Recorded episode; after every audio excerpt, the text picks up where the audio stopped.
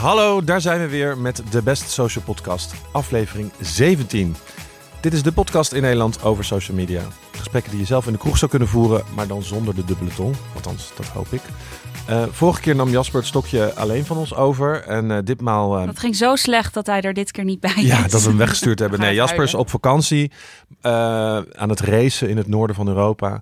Um, maar Kato is hier wel. Hoi ja, Kato. Hallo. Hallo. Uh, we hebben namelijk een hele fijne gast waar Kato volgens mij ook heel blij mee is. Dus wij gaan met z'n tweeën het deze keer doen. En uh, jullie moeten het dus even zonder de zoetgevoiste stem van Jasper doen.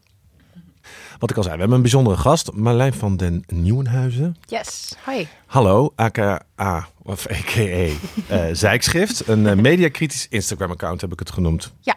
Ja, nou leuk dat je er bent. En we kijken nu al uit naar alle kritiek op onszelf.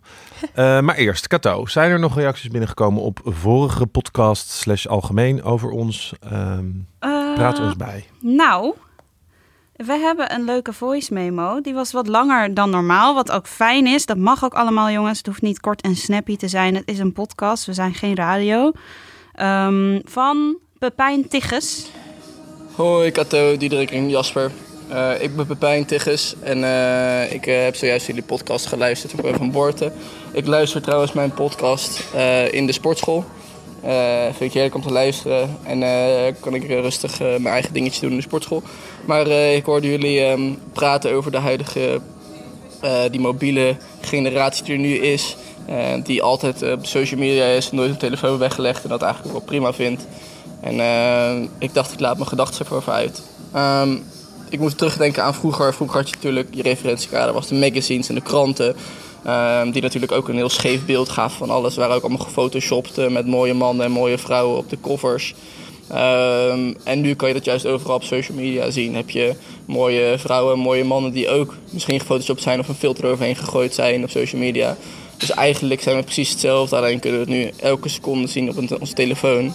Um, maar het is juist super belangrijk dat we juist bewustzijn van de wereld buiten internet en technologie um, aandacht moeten geven. En hopelijk dan ook de sporten bijvoorbeeld, of uh, het buiten zijn, of uh, de wereld daarbuiten stimuleren. Um, de mobiele generatie die weet natuurlijk niet beter en heeft natuurlijk een aangepast gedrag.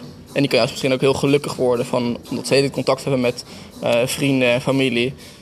Um, ik ken mensen die ook heel dag facetimen met vrienden uh, en juist daardoor superveel en vaak contact hebben en daar juist heel gelukkig van worden.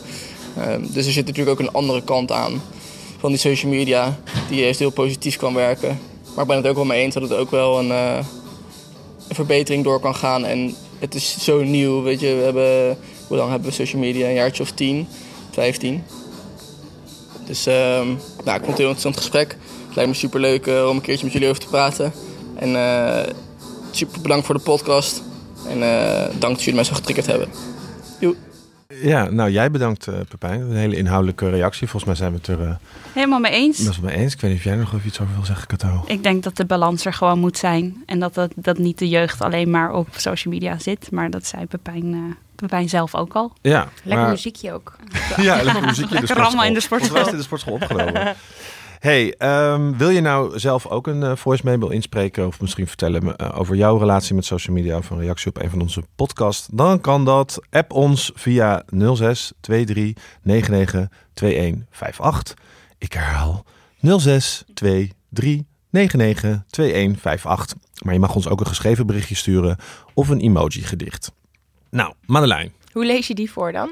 Uh, lachend gezichtje, uh, drol. We, uh, we, beelden die wel heel vaak uit. Deze is lachend gezichtje. Dat zien de luisteraars oh, ja. natuurlijk niet. Oh ja. Dus die een beetje langs je hoofd gaan. Ja. ja. ja. Um, jij komt uit de Oldenzaal. Je wilde ooit de toneelschool doen. Ja. Maar nu heb je een Instagram-account. Zijkschrift over seksisme, racisme in tijdschriften en media. Wat uh, daar uh, aan de kaak wordt gesteld. Ja. En je hebt ook sinds kort een column in de Vogue. Ja, klopt. Gefeliciteerd. Dank je. Leuk. Je, je woonde in New York voor 2,5 jaar. Je moest even terug in verband met je visum. Nou, dat is wat we allemaal opgeschreven. Ik weet niet of je zelf nog iets wil toevoegen ja, nee, aan deze dat, mini-bio. Uh, dat is een... Hoe noem je dat ook weer? Een soort slam poem van mijn, mijn biografie. um, nee, dat is het inderdaad. Um, ja, zij schreef 2,5 jaar geleden begonnen. En het is wel grappig, want ik begon het de dag voordat ik naar New York verhuisde. Dus ik heb het altijd vanuit New York gedaan. Bijgehouden via bijvoorbeeld Blendel. Oh ja. En eh, als ik dan even in Nederland was, dan kocht ik eh, twintig bladen. En dan moest ik... Oh my god, ik had één keer... ehm, moest ik mijn koffer, zeg maar, had ik een ingecheckte koffer. En door die bla bladen zijn natuurlijk best wel zwaar. Zeker bladen als, weet ik veel, eh, de Esquire of de Linda en zo.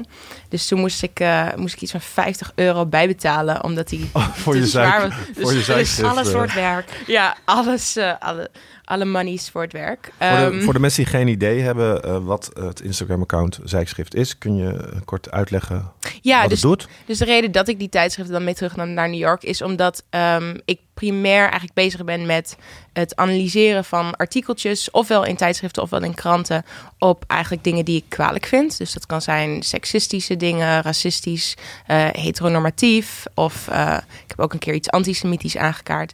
Ehm, en ik plaats screenshots van die artikelen op, de, op mijn Instagram eh, galerij, zeg maar, op mijn eh, feed. En dan analyseer ik waarom ik het eh, problematisch vind. Dus dan zeg ik, eh, nou, dit eh, stereotype van de vrouw als hysterisch is problematisch, want A, B, C. Ehm, Siri gaat eventjes Ja. meepraten. Hysterisch. Hysterisch, Siri. Hysterisch. Ja, hoort wel ehm, bij de social media podcast. ehm, zij mag ook haar zegje doen. ja, precies. Dat mag er Ehm, ook zijn. Nee, dus zo is dat eigenlijk. Dus, dus dat, eh, het is een soort galerij van eigenlijk feedback of kritiek, of hoe je het ook wil noemen. En ehm, ja, nu 2,5 jaar. En dat is eigenlijk heel lang op best wel een select aantal volgers geweest. Want ja, ik denk dat iedereen dat wel kent die iets probeert op te zetten. Zeker als het een beetje activistisch is of een beetje meer in de marges van debatten. Dan, ehm, ja, dan, dan ben je best wel een tijdje gewoon klein. Ja. Dus dat, en nu niet meer. Nee, ja, wij kennen je al een tijdje. Eh, vooral Cato was in het begin eh, heel erg fan. Dus zo kwam je een beetje op onze radar. En eh, ja, wat ik er zelf heel leuk aan vond en waarom je ook uitgenodigd bij, er zijn natuurlijk wel meer kritische accounts op het internet. En wat ik zo bijzonder aan, aan je account vind, is dat het juist ehm, ja, super inhoudelijk is voor op Instagram. Ik heb je ook in een ander interview horen zeggen van. eh, ehm, ja, dat het, dat het eigenlijk anders is dan het visueel eh, platform wat Instagram is. En dat vind ik eigenlijk zo tof aan. Dat het eigenlijk bewijst dat eh, mensen heel erg snakken naar inhoud op Instagram. Want iedereen roept natuurlijk, ja, eh, influencers en cappuccino's en dat is allemaal dom. En op Ja. Instagram. Maar eigenlijk bewijst jouw account dat heel veel mensen wel behoefte hebben aan kritiek en langere lappen tekst en Ja. inhoud. En nou, dat vonden we er heel leuk aan. En daar wilden we langer met je over praten. Dus dat de luisteraar ook, buiten dat ze het waarschijnlijk al heel interessant vonden, ook snappen waarom we je uitgenodigd hadden. Dus eh, ik denk dat het bij ons is zo'n half jaar of een jaar dat we je Oh al ja. volgden. Leuk. En dan. eh, Dus nou ook ja, nog van de, de stories van de duiven in New York. Ja, Ja. ja. Ja, ja, echt al een tijdje ja, dat we je in de gaten houden. We hebben ook twee keer volgens mij een blog over je geschreven. Ehm, Ja, Jamie Lee was dat volgens mij ook een soort start zijn voor heel veel mensen om je te gaan volgen. Ja, heb ik het idee, want hoe is dat gegaan? Hoe, ben je, hoe is Ja. je account groot geworden? Nou, eigenlijk inderdaad, met, op het moment dat ik opiniestukken ook begon te schrijven voor NRC en Parool. ehm, en die daadwerkelijk gepubliceerd werden. Want ik heb wel eerder, weet je, mensen hebben altijd iets van: wow, hoe kan het nou dat je opeens overal gepubliceerd wordt? Maar ik heb het ook echt al wel eerder geprobeerd. Maar ik was denk ik gewoon nog niet goed genoeg of niet scherp genoeg. Want de Ehm, laatste tijd word je ook echt overal gepubliceerd, of dat is al langer. eh, Nou, ik, ik, ik publiceer niet, niet heel veel opiniestukken. Ik heb er nu denk ik een stuk of zes Ja. gepubliceerd. Eh de laatste was denk ik alweer anderhalve maand geleden. Maar ehm, ja, voor het eerst vorig jaar april in het Parool over de Linda. En toen merkte ik, oh, nu lukt het. En telkens als er dan iets gepubliceerd wordt... dus ook een kritisch stuk over dat boek van Jamie Lee... eh, Sexy but tired but sexy... eh, waar ik van had gemaakt, seksistisch maar populair maar seksistisch... Ehm, ja, merkte ik gewoon van dat zijn telkens echt groeispurten geweest. Dus, dus Instagram is. ehm, kijk, er zitten natuurlijk ook beperkingen aan Instagram. Dus wat ik in mijn opiniestukken gewoon langer kan beargumenteren, dat kan niet op diezelfde manier op Instagram. Dus ik vind het ook heel erg interessant om te experimenteren met verschillende, verschillende manieren en platforms om bepaalde thema's eh, aan te kaarten. Ja, voor de mensen die Zijkschrift niet kennen, ga daar ook even naartoe. Want ik denk dat het heel tof is dat je het, de manier waarop je het doet, inderdaad, door zoveel tekst via carousels je punt maken met verschillende video's en eh, eh, tekstschermen. Dat, dat doen niet veel mensen. En ik denk dat, dat dat valt heel erg op. En zorgt voor, ja, dat zien we ook bij de best social media als er heel veel tekst wordt. Zorgt voor een enorm bereik. Want mensen gaan zoomen en eh, swipen en het allemaal inhoudelijk lezen. En Instagram beloont dat juist heel erg. Dus Ja. het ook, Qua ook ja. ja, wel inspirerend. Want ook vaak als je het mensen zeggen altijd ja, maar daar is Instagram toch veel te visueel voor. Hoezo? Heb je het geprobeerd, zeg maar? Ja. Is het zo dat mensen alleen maar vergezichten van vakanties willen zien eh, of, of duiven super mooi geposeerd op de dam? Ik, ik denk Ja. juist dat mensen het heel leuk vinden om dingen te lezen of eh, vooral de mix, zeg maar. Want het is allemaal visueel. Dus juist als je nu iets textueels doet, Ja. hebben mensen er heel erg zin in. Dus eh, Ja, en het is ook echt heel intrigerend inderdaad wat je net zei van ehm, over hoe Instagram als platform wordt op een bepaalde manier gezien. Je, je haalde al even aan van, oh ja, dat zijn dan eh, avocado toast etende Ja. bloggers, bla bla bla, waar overigens ook niks mis mee is. Maar het, het, nou, het heeft in potentie, het heeft een veel grotere potentie. En vaak in de framing van social media, zoals bijvoorbeeld eh, Instagram, eh, maar ook Twitter. Social media worden heel snel op een bepaalde manier geframed als van, oh ja, dit is waar het voor is en dit is waar het voor gebruikt wordt. Terwijl je kan zoveel meer. Precies. Het, het, en ik vind het toffe aan Instagram is dat ik het het meest hybride sociaal media platform vind. Want je hebt ook stories, je hebt ook DM's, je hebt highlights waar je dingen in kunt Ja. vastzetten. Je kunt video's op je feed doen. Je kunt, je kunt zoveel. ja. Eh, je kan praten, je kan er met teksten overheen. Je kan ja, er- je kan live gaan als je Ja. wil. Dat heb ik nog nooit gedaan. Want maar... je zegt dat je je punt niet zo lang kan duidelijk maken op Instagram, omdat je daarvoor een betere opinie Nou, op een andere Dat komt vooral omdat je langer kan nadenken misschien, want je kan natuurlijk ook heel lang praten. Klopt, ja. Maar ik merk wel dat bijvoorbeeld op stories merk je dat als jij... eh, weet je, er is een reden dat ik bijvoorbeeld niet twintig eh zelfpratende vlogs achter elkaar post op stories. Want dan zie je gewoon... Je kan natuurlijk ook gewoon de statistiek zien. Dus dan Ja. zie ik kijkersaantal echt drastisch omlaag gaan. Ja. Terwijl ik als ik bijvoorbeeld een filmpje van een minuut, wat normaal dus vier stories zou zijn als je ze op zou knippen. Maar terwijl je een, eh, als, je, als je een filmpje van een minuut post op je feed, dan wordt het wel weer afgekeken. Omdat er dan niet soort van Ja. die artificiële interruptie van die Maar- stories in zit.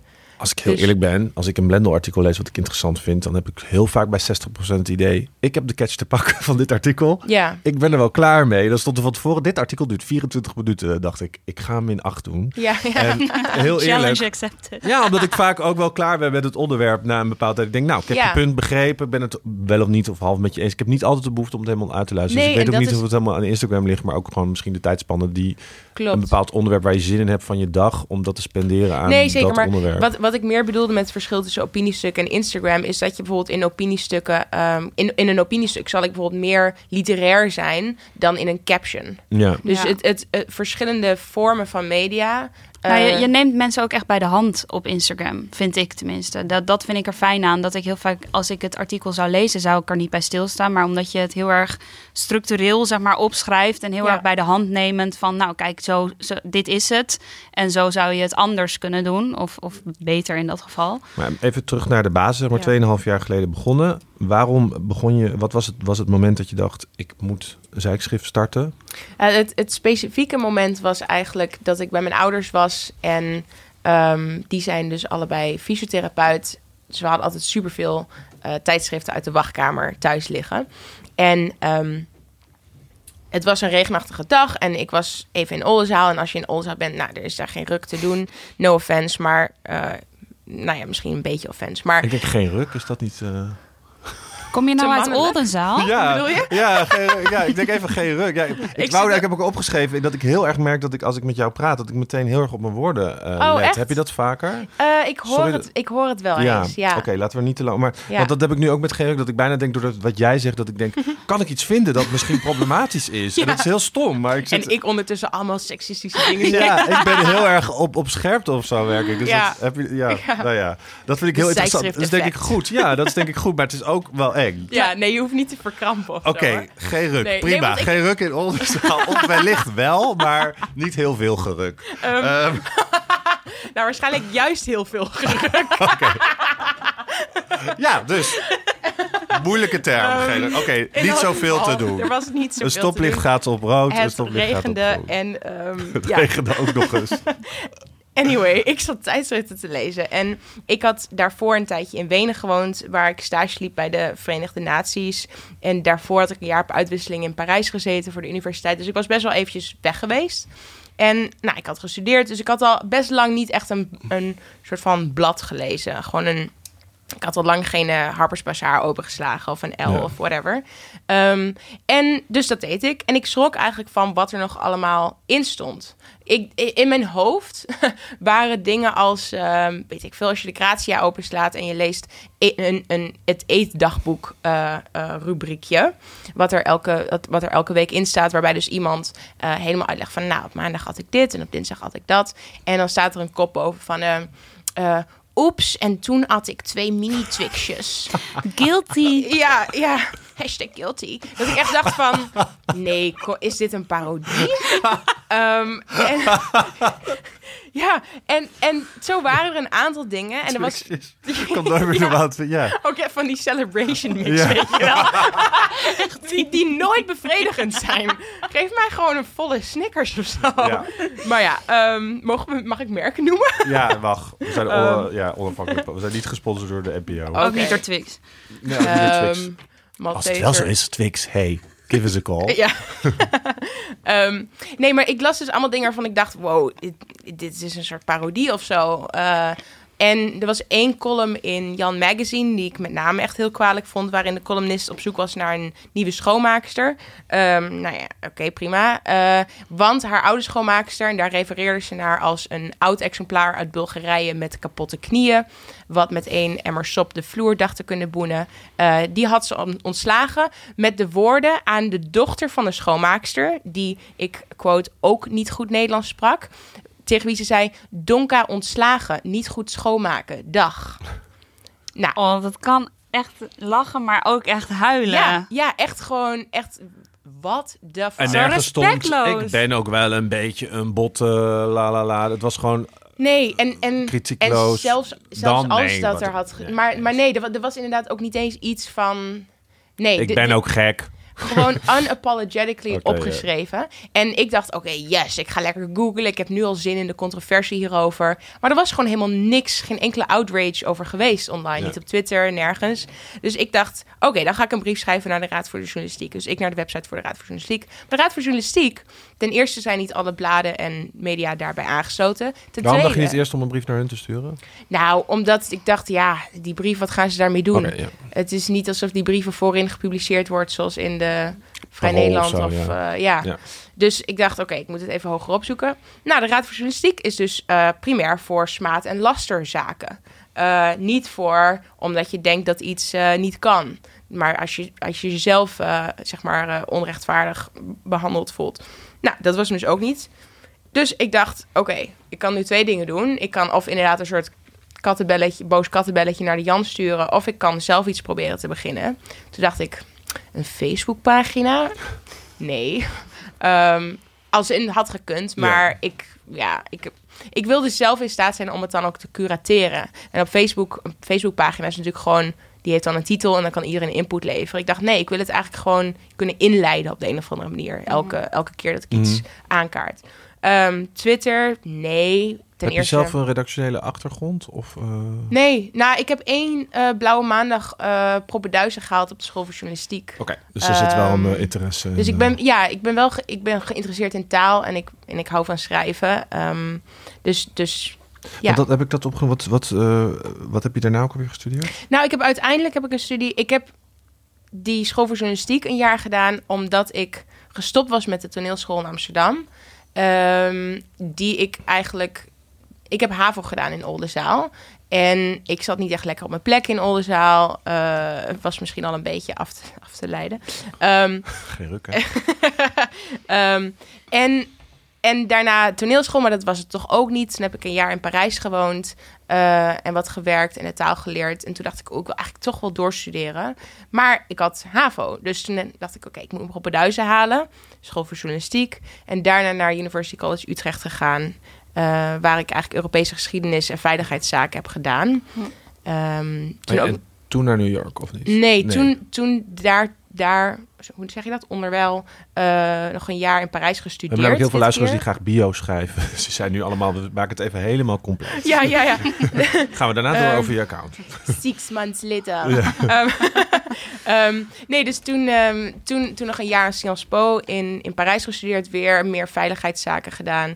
Toen de stage in Wenen bij de VN op nucleaire zaken. Dit is allemaal echt heel anders dan mijn Instagram-account. Nou, Ehm, maar even, Maar even wat een context. geschiedenis, Ja. joh. Ja. Ja, en toen dacht ik, oké, toen werkte ik voor de VN, of eigenlijk voor de Nederlandse permanente vertegenwoordiging naar de VN. En toen dacht ik, oh, als ik door wil in, eh, in, in diplomatie of in politiek, dan kun je, je kunt Europa eigenlijk niet begrijpen zonder Amerika niet een beetje te kennen en niet te weten hoe, hoe, dat, hoe die to- zich tot elkaar verhouden. Mhm. Dus toen heb ik me aangemeld voor een master aan Columbia University in New York voor eh, Amerikaanse politieke geschiedenis en buitenlands beleid. En aangenomen en ben dat gaan doen.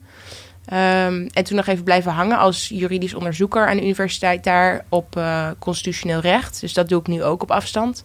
Oké. En ja, dus zijkschrift is eigenlijk helemaal los van mijn academische interesses. Ja, maar Ja. ook onderzoek en geschiedenis, ja, wel maatschappelijk analytisch. en journalistiek. Ehm, ik voel wel de, dat je... Ja, er zitten wel bepaalde, Ja. bepaalde Want hebben mensen dat überhaupt wel eens van... wie denk jij wel niet dat je bent? Of moet je dat wel eens uitleggen? Ja, nou, ik had het gisteren... Want je ik- natuurlijk vanuit het niks begint. Wie, niemand kent jou eh, Ja. publiekelijk, zeg maar. Dus dan opeens is het wel van... hé, hey, daar heb je een, eh ja, een zijkschrift. wie denk je, ja, god... Wat ook misschien niet altijd nodig is. Want als je een goed punt maakt, maak je een goed punt. Ja, Maar als je nee. opeens in de publieke... eh, eh, hè, zoals nu ook in deze podcast... vragen mensen zich misschien af... Ja, Wie is deze wie is? Als, je die- dit? als je dat Instagram nog account... Daar, daarom bedoel ik het. Ik Ja. bedoel, eh, Nee, nee, maar het is ook een hele goede vraag. En ik, ik ehm, het is denk ik met name omdat mijn Instagram-account eh, niet, een heel, niet heel duidelijk voortkomt uit een studie die ik heb gedaan of uit zo. Het is niet mijn baan. Het Mhm. is voor heel veel mensen is er van, oh, maar wat is het dan? En ik zeg altijd, het is activisme wat ik ernaast doe omdat ik het belangrijk vind. En ehm, beoordeel mij maar op de inhoud van, van mijn argumenten. ja. Ehm, je hoeft niet iets gestudeerd te hebben om er iets over te zeggen, zolang je maar eh, iets onderbouwt. Inhoudelijk bent, ja, precies. Ja, dus ja. Dus toen, 2,5 jaar geleden, begon je dat. Ja. En in het begin eh, was dat voor een kip en een ei.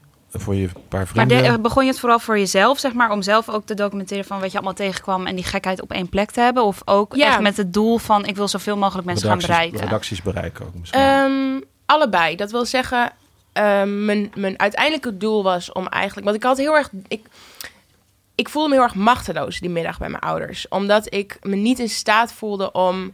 ehm, weet je wel, als er een groot onrecht is of er is een groot eh, ding wat je wil aankaarten... dan kun je soms als individuele burger of gewoon als individu heel klein voelen. Omdat je denkt, wow, dat is een soort van redactie van een glossy magazine. eh, een groot instituut.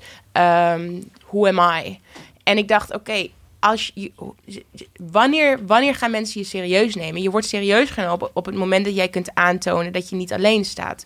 Dus mijn, mijn doel is altijd wel geweest om zoveel mogelijk mensen achter me als het ware te krijgen. Mhm. Ehm, maar ik heb wel altijd. Kijk, de eerste, het eerste jaar was misschien op. Ja, van 80 volgers naar 180. Een beetje reclame maken hier en daar in de Feminist Club Amsterdam op Facebook. Weet je wel? Of andere random. Nou ja, niet random, maar andere groepen. Ehm, en ja, dus heel lang gewoon voor een paar honderd volgers gedaan. En ik dacht ook altijd van, als het hierbij blijft, is het ook prima. Maar ik wil het wel documenteren. Ja. Dan, dan wordt het maar een archief van bullshit. En niet zomaar bullshit, maar echt gewoon eh, racistische of seksistische problematiek in Nederland. Die misschien op dit moment geen hond interessant vindt. Maar ik wil wel dat het gedocumenteerd wordt. En dat is misschien ook de historicus in mij. Die denkt van, ehm, de vraag is niet, vinden andere mensen dit per se interessant of relevant at this moment in time?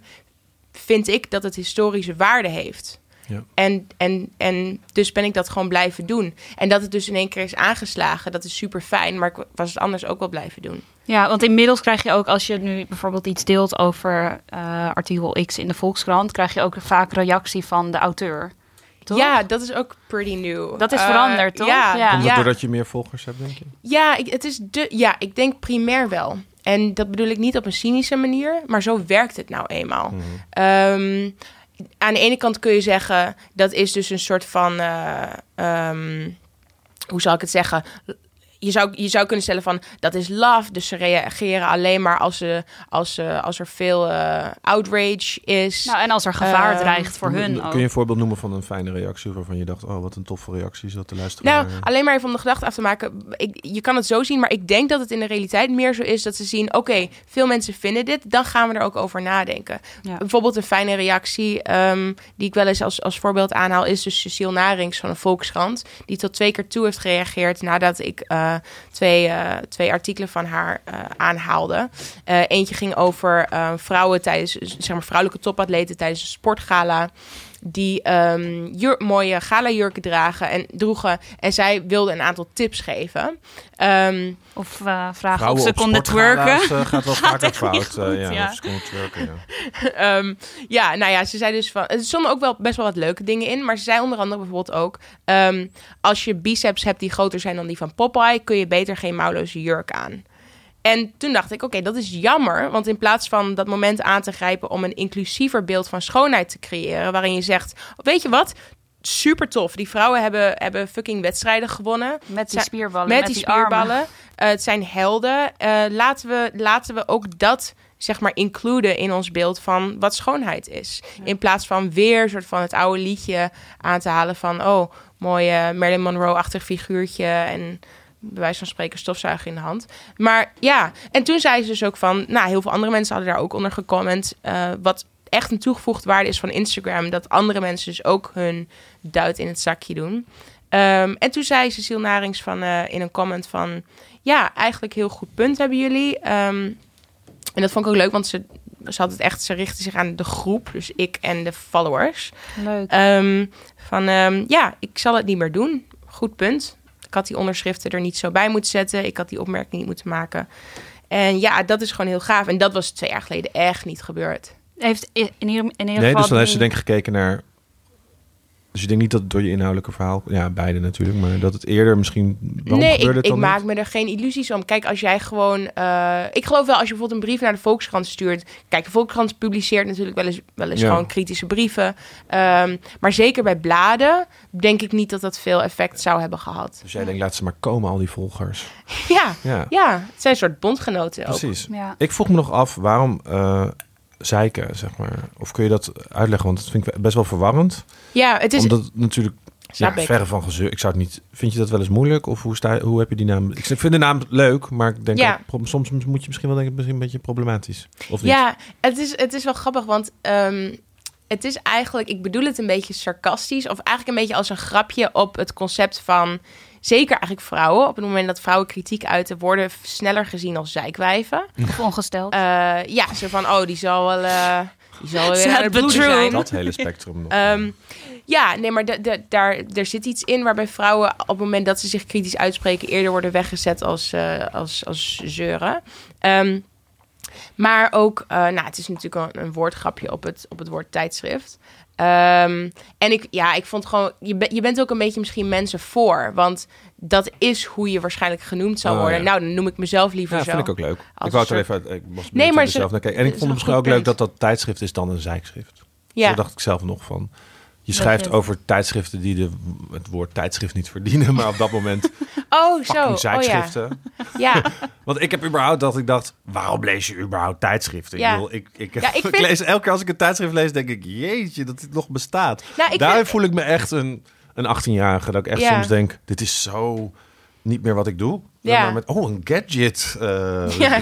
Waar ik over lees op een papieren Ja, blad. en dat, toen dacht ik bij een gadget, oh, wel echt feit. Toen dacht ik, fuck, het staat in een tijdschrift. Ik wil dit naar mijn vriend sturen, moest ik een foto ervan maken. Ja, ja, ja. Opsturing, ah, wat is dit? Ja, dit is echt niet meer hoe ik media consumeer. Nee. Terwijl, kijk heus nog wel eens Maar tv ik of hou- lees een krant. Maar een tijdschrift, dat begin ik wel wel dat ik dacht, Ja. ja, waarom hebben we het überhaupt over tijdschriften? Maar dat klinkt nu heel eh, naar vanuit mijn mond, hoor. Maar Nee, maar ik denk dat heel veel mensen... Ik bedoel, het is niet voor niks dat de tijdschriftenverkoop heel erg is teruggelopen de afgelopen tien jaar. Ja, Ehm, ik hou best wel erg van... Ik lees natuurlijk veel voor, voor zijkschrift. Ehm, en, ik, en ik kan het een soort guilty, lekkere guilty pleasure vinden. Eh, weet je wel, ik zit... ook erg. Misschien zit daar het probleem wel, dat het altijd een beetje gezien wordt als een guilty pleasure. Dat het daar maar allemaal zo... Ja, en dat, wat- maar dat is ook prima, weet je. We hoeven ook niet allemaal eh constant... Nee, maar dat daarom misschien ook dat soort foutieve eh, rubrieken slash teksten... Gewoon of, doorgaat. Dat niemand... Ja, Ja. Omdat- niet, het wordt ja, niet gezien Nee, maar ook door omdat ze mensen. weten dat ze een beetje fout zijn. Snap je? Omdat Tijdschrift, lekker guilty pleasure. We kunnen alles schrijven wat In sommige willen. opzichten misschien soms wel. Kijk, als je de story of de privé openslaat, dat is natuurlijk een soort van hè, het uiterste van het Next spectrum level. van sensatiebelust en Ja. et cetera. Dat, dat is natuurlijk eigenlijk gewoon een extremere vorm van bijvoorbeeld de Grazia die op eh, pagina 4 en 5 foto's van celebrities doet met eh, bijschriften als eh, nou nou weer lekker aan het eten meiden of zo of whatever. Ja, ze zijn echt heel veel met gewicht altijd bezig. Maar goed, maar ik kan de Gra- Grazia ook lezen en denk Dus je oh, ziet ook echt een patroon in hun, ja, ja, wat ze schrijven, zeg maar, dat je denkt, ah, Grazia doet altijd dat. Ja, ja, wel een beetje. Ja, zeker. ze- ja, met, met bijvoorbeeld oud en nieuw zie je, zie je een patroon in eigenlijk de hele tijdschriftenbranche. Gaan ze allemaal obsessief over gewichtsverlies schrijven. De kerstkilo's. Eh, ja, ja, ja, precies. Maar ehm, ja, nee, maar ik, ik, ik kan er ook heel erg van genieten. Om bla en sommige bladen Maar vind wat is ook dat echt... genieten dan precies? Nou, bijvoorbeeld de Linda heeft ook hele mooie artikelen. Ik heb de Linda best wel eens bekritiseerd, maar ik vind ook dat de Linda... Gewoon ontspanning bedoel je toch? Gewoon lekker iets fijns lezen wat je Ja, ik vind dat de Linda best wel mooie verhalen, alternatieve verhalen de wereld eh, zeg maar laat zien. Dus zij hebben heel vaak ja, een beetje afwijkende perspectieven. Mensen met een gekke hobby of met een, met een bepaalde ziekte waar ze over praten. Wat zij altijd heel mooi en respectvol in beeld brengen. Daar kan ik altijd van genieten. Ik vind... ehm, Wat is die muziek? Sorry Ja. hoor. Echt zo, Daar kan ik heel ja, erg er van wordt op de genieten. achtergrond Ja, eh, ja, een muziekje in, in, in de ruimte hier Helemaal Ik weet niet of de luisteraar het hoort, maar wij zijn helemaal eh, tot rust. ja, in vijf Ehm, seconden tot rust. We gaan even kijken wat aan de hand is, maar ik zou zeggen... Oh, Staat daar een piano in de staat gang? opeens gewoon een piano in de fik. Nee, eh, een piano... Heel enthousiast iemand piano aan het spelen. Eh, waar, waar was je? Sorry. Ja, Moeten we, moeten we op hem... nee, volgens mij loopt het gewoon door. Dit is podcast. Oké. Ja. Ehm, nee, nou, Zo dus weet u dat zijn... het echt is, jongens en meisjes. Ja. Nee, maar ik kan, ik kan eh, er zijn gewoon verschillende bladen waar ik, waar ik wel degelijk ook van kan genieten. Het is echt niet zo dat ik alleen maar eh, heel kwaad eh, zit, te, zit te, te, te, te bladeren of zo. Ehm, nee, helemaal niet. En wat je zegt klopt wel. Het, het is wel een. Eh, ik denk dat ze zelf ook worstelen met van: oké, wij zijn bladen in een tijd van. Eh, Instagram of in een tijd van webshops of in een tijd van. Dus op het moment dat wij kleding gaan aanprijzen, of zo van koop deze tuinbroek voor, voor 50 euro, eh, dat is iets waar mensen nu heel vaak Instagram-accounts voor gebruiken. Of waarvoor ze bepaalde ja, brands gewoon online volgen en dat veel, veel sneller daar toegang tot hebben. Dus bladen zijn ook ehm, bezig met, oké, hoe, hoe doen we dat? En je merkt bijvoorbeeld dat de Linda dat heel erg goed eigenlijk doet, doordat zij ja, verhalen vertellen, persoonlijke portretten. Een content erop maken. aangepast hebben, ja. Ja, Val je en- ook wel eens social media aan? Ehm, Dus de, de, Ik heb wel de- eens- de, tijdschriften op social media? Een enkele keer, ja. Ik, wat ik bijvoorbeeld wel ehm, deed rondom Pride, was kijken eh, welke bladen strooien zeg maar met regenboog-emojis, maar schrijven in al hun datingartikelen per definitie nog over de, eh, de, de tegenovergestelde seksen. Mhm. Dus bijvoorbeeld, eh, nou ja, de Cosmopolitan bijvoorbeeld, die altijd tot, tot op deze, zeg maar, tot aan deze maand, dus ze hebben dat nu veranderd, hadden zij een katern Love and Man. Ehm, wat er dus wat gaat over liefde en seks en dating. En waarbij altijd het taalgebruik was van. Ehm, zo hou je hem tevreden in bed. Of eh, dit kun je doen voor je. Zeg maar, dit vindt jouw vriend eh, minder leuk. Of whatever. Waarbij er dus altijd van werd uitgegaan dat je partner een man zal zijn. Nou, als je dan dus. eh, op, met Pride met, met regenboog-emojis gaat strooien, dan denk ik, ja, dat is gewoon hypocriet. Ja. Dus, dus, in die, dus toen heb ik wel gezegd van... heb ik een beetje geturfd van... wie doen dat op Instagram en op Facebook... en wat doen ze eigenlijk in hun blad. ja. Ja. En al die slechte inhakers. Van inderdaad mensen die dan allemaal hele grappige posts over homo's gaan maken. één keer per jaar om commercieel daarop mee te liften. En vervolgens helemaal niks doen aan homo-emancipatie. Of iets binnen hun bedrijf Ja, eh, doen. Maar dat is wel exact. heel erg aan het veranderen trouwens, merk ik. Ja, en dat gaat ook vaak... dat, dat, dat kan ook soms opeens best wel heel snel dan, dan beter gaan. Ja. Ehm, dat, dat merk je ook altijd wel. Maar daar vallen nog wel echt veel eh, eh, stappen te zetten. Hoeveel, hoeveel tijd ben je daaraan kwijt aan je, aan je Instagram-account? Ongeveer 20 uur per week. Oh, wauw. Ja, En hoe combineer je dat als je straks terug gaat naar New York? Of met je daar, hoe doe je dat? ja, ja. Hoe ziet jouw leven er nu uit? Nou, Slaap je nog genoeg? Ik, ja, ik slaap wel genoeg. Ehm, ja, op dit moment eigenlijk ben ik vrij rustig op het onderzoeksgebied van Columbia, omdat ik nu een tijdje in Nederland woon. Uh, dus ik werk parttime voor Columbia uh, op afstand. En heb nu dus eigenlijk, omdat ik dus heel onverwacht terug moest verhuizen in verband met visum geshit. Uh, doordat mijn visum ja, net in een soort, plotseling in een soort kloof viel van, oh nee, nu, kun je, nu kan je hier niet meer zijn. Je moet eventjes terug naar Nederland. Ik hoop heel erg dat ik in augustus weer terug mag verhuizen. Ik heb me nu voor PhD's aangemeld. Ja. Um, maar goed, dus ik ben eigenlijk hier vrij onverwacht. En dus ook met uh, meer uh, tijd ik zit de hele tijd in Engels. Ik wou zeggen time on my hands. Tijd nou, in mijn handen. heel gek na 2,5 jaar. Uh, dat ik het ook helemaal Amerikaans Ja. accent heb. Colombia. Hoorde ik al. Columbia Colombia. University. Ja. ehm, So I'm like... maar verdien je hier geld mee nu? Met je, Ehm, social, met je account? Of eh, nee. geef je lezingen die, waar je dan geld voor kan vragen? Hoe, hoe ja, zie je dat? nou eigenlijk dus die Vogue-column eh, die ik vanaf deze Oh, maand ja. heb... Is, dat is eigenlijk voor het eerst dat ik eh, betaald krijg voor zeg maar, geschrijf. Dus ook Ja. opiniestukken zijn onbetaald. Ehm, hoe zie je dat?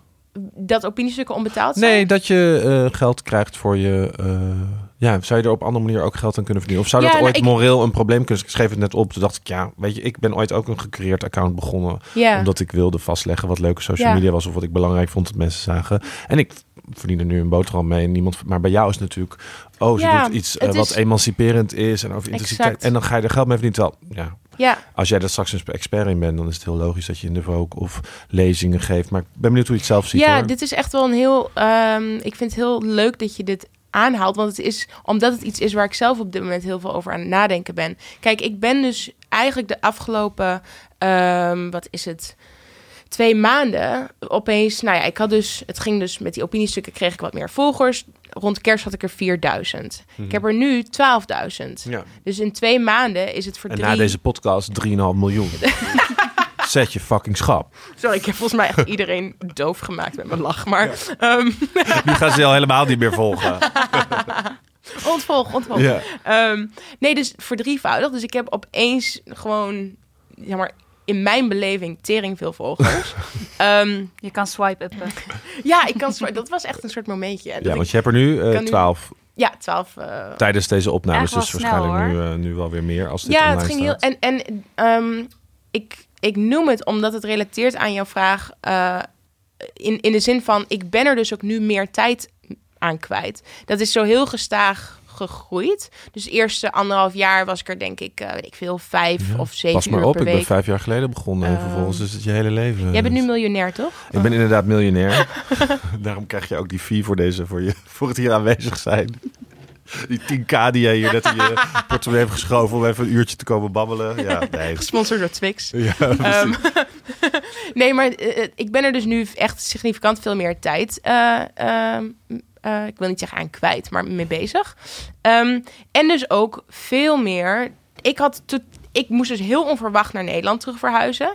Dus ik, ik had helemaal geen idee dat er opeens zoveel dingen, zoals bijvoorbeeld deze podcast, op mijn pad zouden komen. Dus Ja. ik zat gisteren bij Radio 1, mocht ik komen praten. Ja. Ik heb allerlei andere. Geld gevraagd? ehm, Sorry dat ik dat nee, vraag. nee, want dan. Nee, maar het leuke is wel, Ra- Radio 2 heeft mij gevraagd. ehm, want ik heb natuurlijk Amerikaanse politieke geschiedenis en recht gestudeerd. Ja, Eh, en ik heb ook aangegeven van, ik vind dat heel belangrijk, omdat ook, ik, ja, dat is gewoon ook mijn Ja. ding. ja. Eh, dus ze hebben me nu op een Amerika-panel, zeg Ah, maar, tof. gezet. En als ik dan, ik kom over een tijdje, ga ik bij ze praten over Kamala Harris, de Californië-senator die nu voor presidentschap gaat runnen. Mhm. Ehm, daar ga ik dan over praten en daar krijg ik wel een fee voor. Dus Ja. dat is heel chill. En altijd Maar het is ook gewoon werk. Ik bedoel, we Ja. doen wel heel erg alsof het... eh, Nee, nee, maar ik bedoel, Ja. meer, ik vraag me af nee, maar het is wel wanneer het omslaat. Want activisme. ik kan je vertellen, dat zal als je straks 200.000 volgers misschien hebt, of eh, ik weet niet of dat gebeurt, maar ja, dan er, is, er zijn niet voor niks influencers. Ik bedoel, die krijgen daar gewoon betaald voor. Ja. eh, voor of ze nou eh,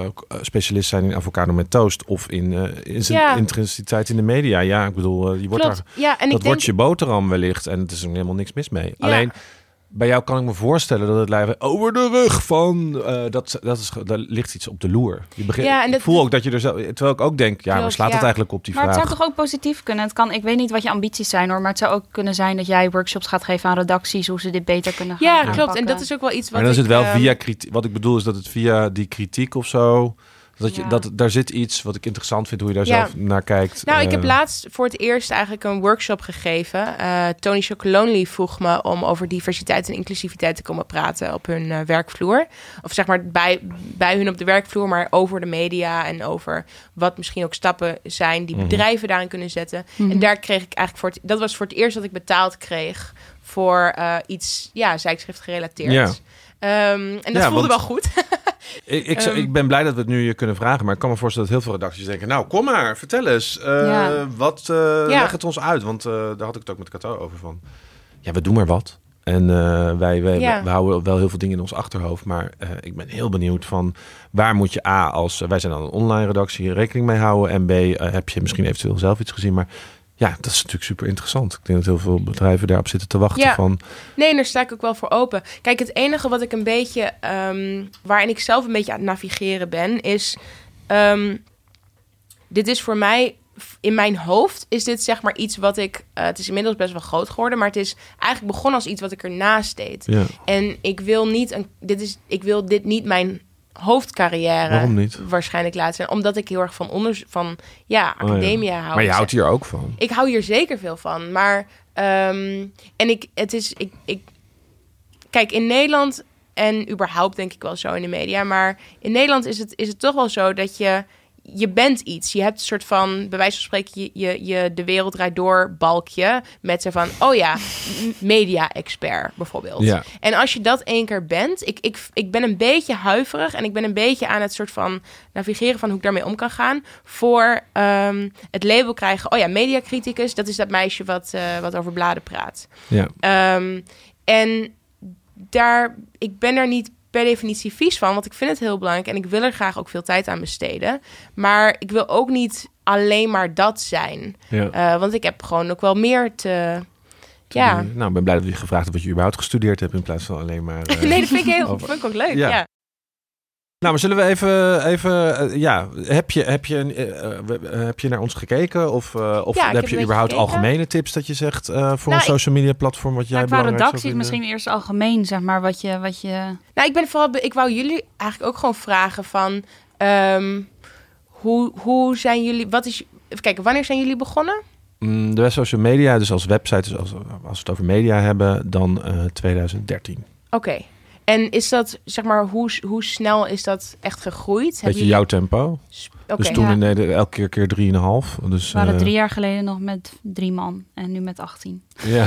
Oh ja, Ja. ja. en daarvoor was ik in mijn eentje. Ik was gewoon, ik had, eh, er er was geen blog wat bijhield wat interessant is of belangrijk is op social media of wat de moeite waard is om met mensen te delen. Dus ik ben een Tumblr begonnen, eh, wat ik aan mijn klanten en aan mijn vrienden kon laten zien. En daar had ik een Facebookpagina bij bedacht, want toen was er niet echt Instagram. Ja, misschien was er, ja, was wel Instagram, maar dat gebruikten mensen echt niet op die manier. Ja. En toen is het dus ja, net zo hard explosief gegroeid. Dus ik zit al. Ik, ik wilde het heel bij de hand zeggen: wacht maar af, meisje. Want ja, je zegt nu van ik wil niet dit en ik wil niet dat. Maar het is wel, het voelt best wel eh, ehm, ja, veel overeenkomsten. Ja. eh, En er dus zit ook wel een soort zuigende kracht van. van social media. Want je hebt iets heel slims bedacht waar, waar mensen op zitten te wachten. Net zo goed als bij ons. Van je laat zien wat mensen willen zien. Waar ze misschien zelf heel erg behoefte hebben om dat te zien. Dat zijn de overeenkomsten een beetje. Ja. Eh, en je, ze hoeven zelf niet te zoeken. En ze Wat- zijn het hoe- daarmee eens. Hoe is dat voor jou geweest? Is het wel eens, heeft het wel eens overweldigend gevoeld? Nou, ik ben er heel erg. Ik, ik hou er heel erg van. Ik hou heel erg van dat we met ons werk eh, interactie opzoeken met online publiek. En ik hou daarom van online. En daarom heb ik ook, ben ik ook gestopt met voor kranten werken en voor tv werken. Omdat het allemaal eenrichtingsverkeer op is. Hmm, Dus ja. het, het, ik, ik ben verslaafd aan de impact. Dus, dus in die zin is dat. In die zin is het wel heel hard gegroeid. Soms hadden we een keer een dag dat we 1,2 miljoen bezoekers op één artikel hadden.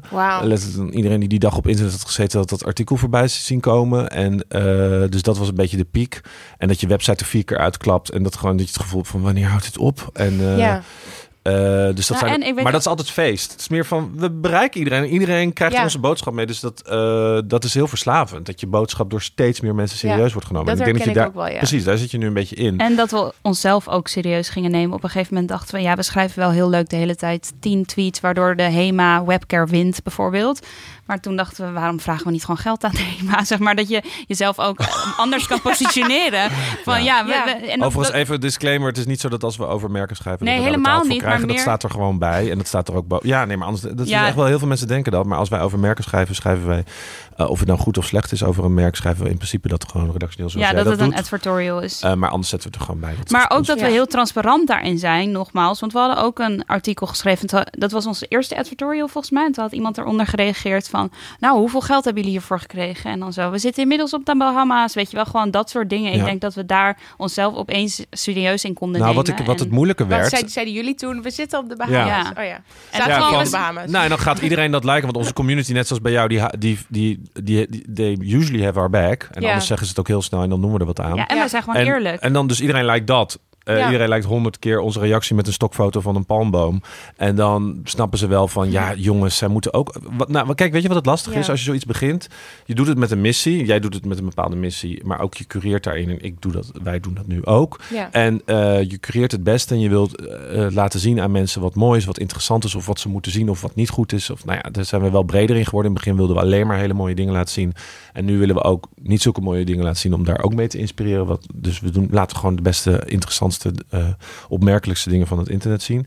En als, die, als die, die impact is verslavend, want daarom ben ik het begonnen. Dus als je op een gegeven moment merkt dat het niet meer in je eentje lukt, of dat je daar geld voor nodig hebt om nog iemand dat te laten doen, of dat je gewoon echt van de gekte niet meer weet hoe je die vlog moet bijhouden. Dat Ja. ik letterlijk zei, ja jongens, ik moet nu en inderdaad misschien een interview doen. Ik ben ook helaas nog een awardshow begonnen erover. Dus toen, ja, weet je, op een gegeven moment lukt het niet meer. Krijg je, en Ja. voel je wel, ja, maar als ik een blog schrijf, Ja. dan lezen soms wel een miljoen mensen dat. Dus ik wil er eigenlijk elke dag wel eentje schrijven. En op een gegeven moment wordt het, eigenlijk wil ik er elke dag wel vijf schrijven. Want iedereen leest het nog steeds en vindt het nog steeds interessant. Dus het Ja. is, er is nog niet echt een punt gekomen waarop ik dacht, of waarin ik voelde...